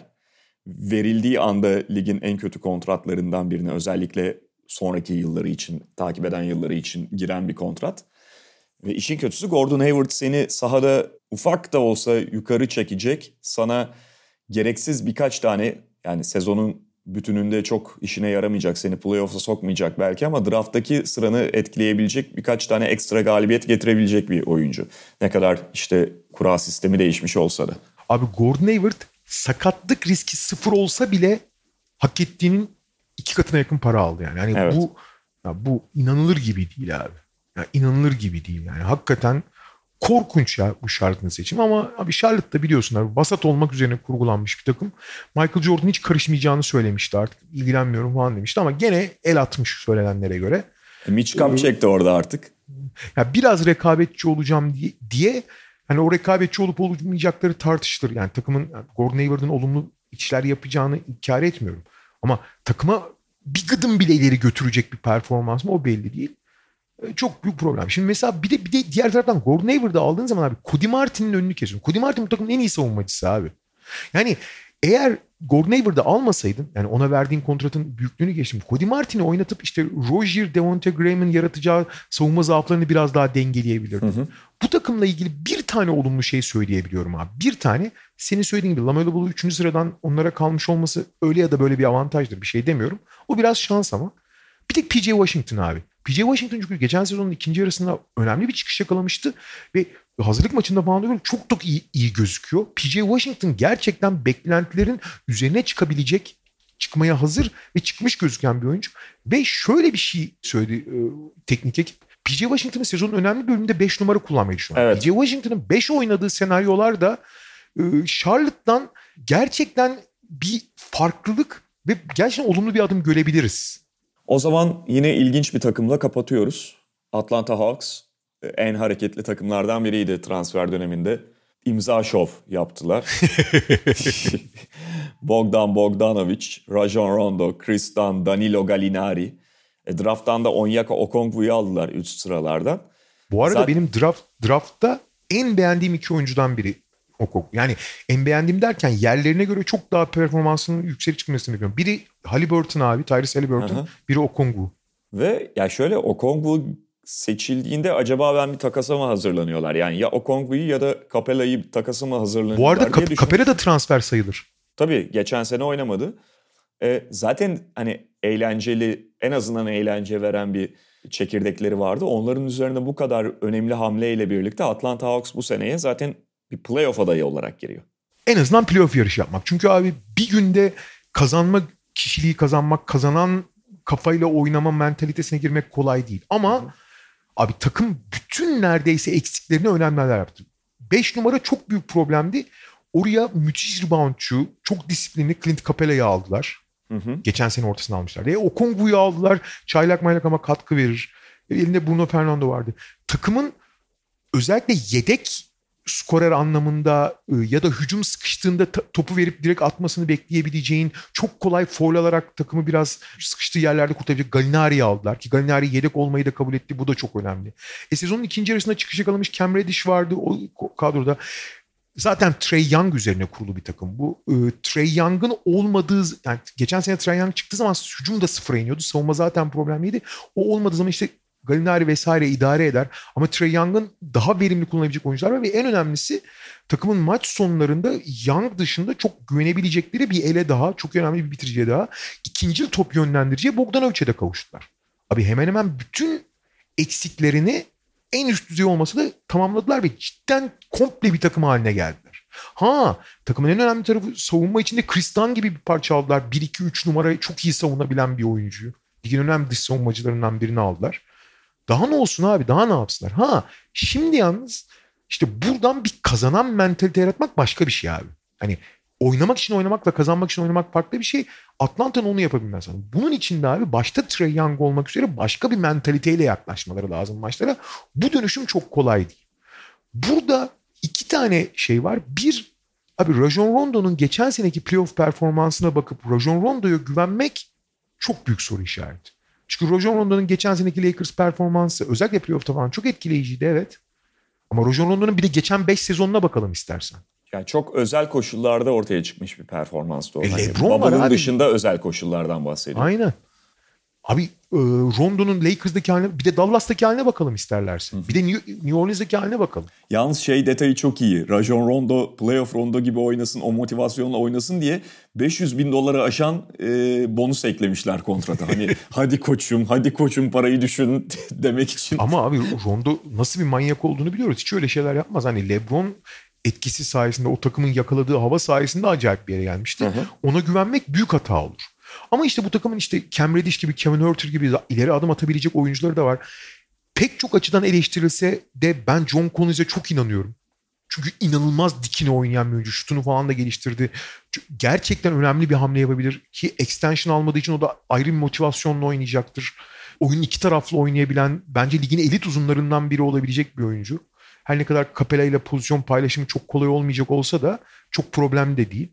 Atlanta'da her şey var. Sadece kazanan mentaliteye dönüşebilecekler mi? Ve bunu sağlayabilecek bir koç yok kenarda. Yani Lloyd Pierce o sinyali vermedi. Daha da önemlisi Lloyd Pierce'a şey dediler. Abi sana komple bir takım verdik. Bunu şimdi kazanan takım mentalitesine dönüştürmek senin işin. Ama hocam bu işi bir, bir buçuk ayda hallettin hallettin.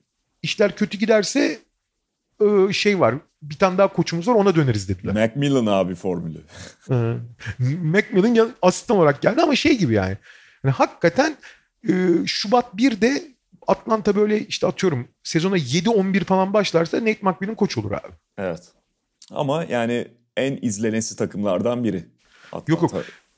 Yani şöyle iyi senaryoyu düşünelim takımın potansiyel açısından. Net bir şekilde play'in yarışmacısı olacaklar ve yukarıdan herhangi biri teklerse, tökezlerse direkt playoff yani 7-8'e falan kapağı atabilecek durumdalar yani. O, o şey kadro yapısı var elde. Teknik ekip hariç. Teknik ekip sorunlu. Yani Lloyd Pierce de sorunlu. Nate McMillan'da anlattık sorunlarını yani. Bence de yani ve çok çabuk karar verebilirler söylediğin gibi o konuda. Fazla tahammülleri olacak çok kötü bir e, başlangıç halinde beklediklerinin altında bir başlangıç halinde çok tahammül göstereceklerini zannetmiyorum. Çünkü bu sene artık başarısızlık olur onlar için playoff'un dışında kalmak. Evet e, iki saati bulduk abi neredeyse. Vallahi billahi. Yani e, tabii 15 tane takım var. E, sezon başı her biriyle ilgili belli bir miktar konuşmamız gerekiyor ve e, dolayısıyla biz hep daha azını tasarlasak da öyle yaparız böyle yaparız 70 dakikayı aşmayız falan desek de evdeki hesap çarşıya uymuyor. Editörümüz Cem Pek doğru ve teknik ekip arkadaşlarımız biraz bugün içerisinde bize küfür edebilirler ama lütfen anlayışla karşılasınlar. Bugünlük bu kadar diyoruz. İkinci programda da, ikinci podcast'te de Batı konferansını konuşacağız. Hoşçakalın. Hoşçakalın.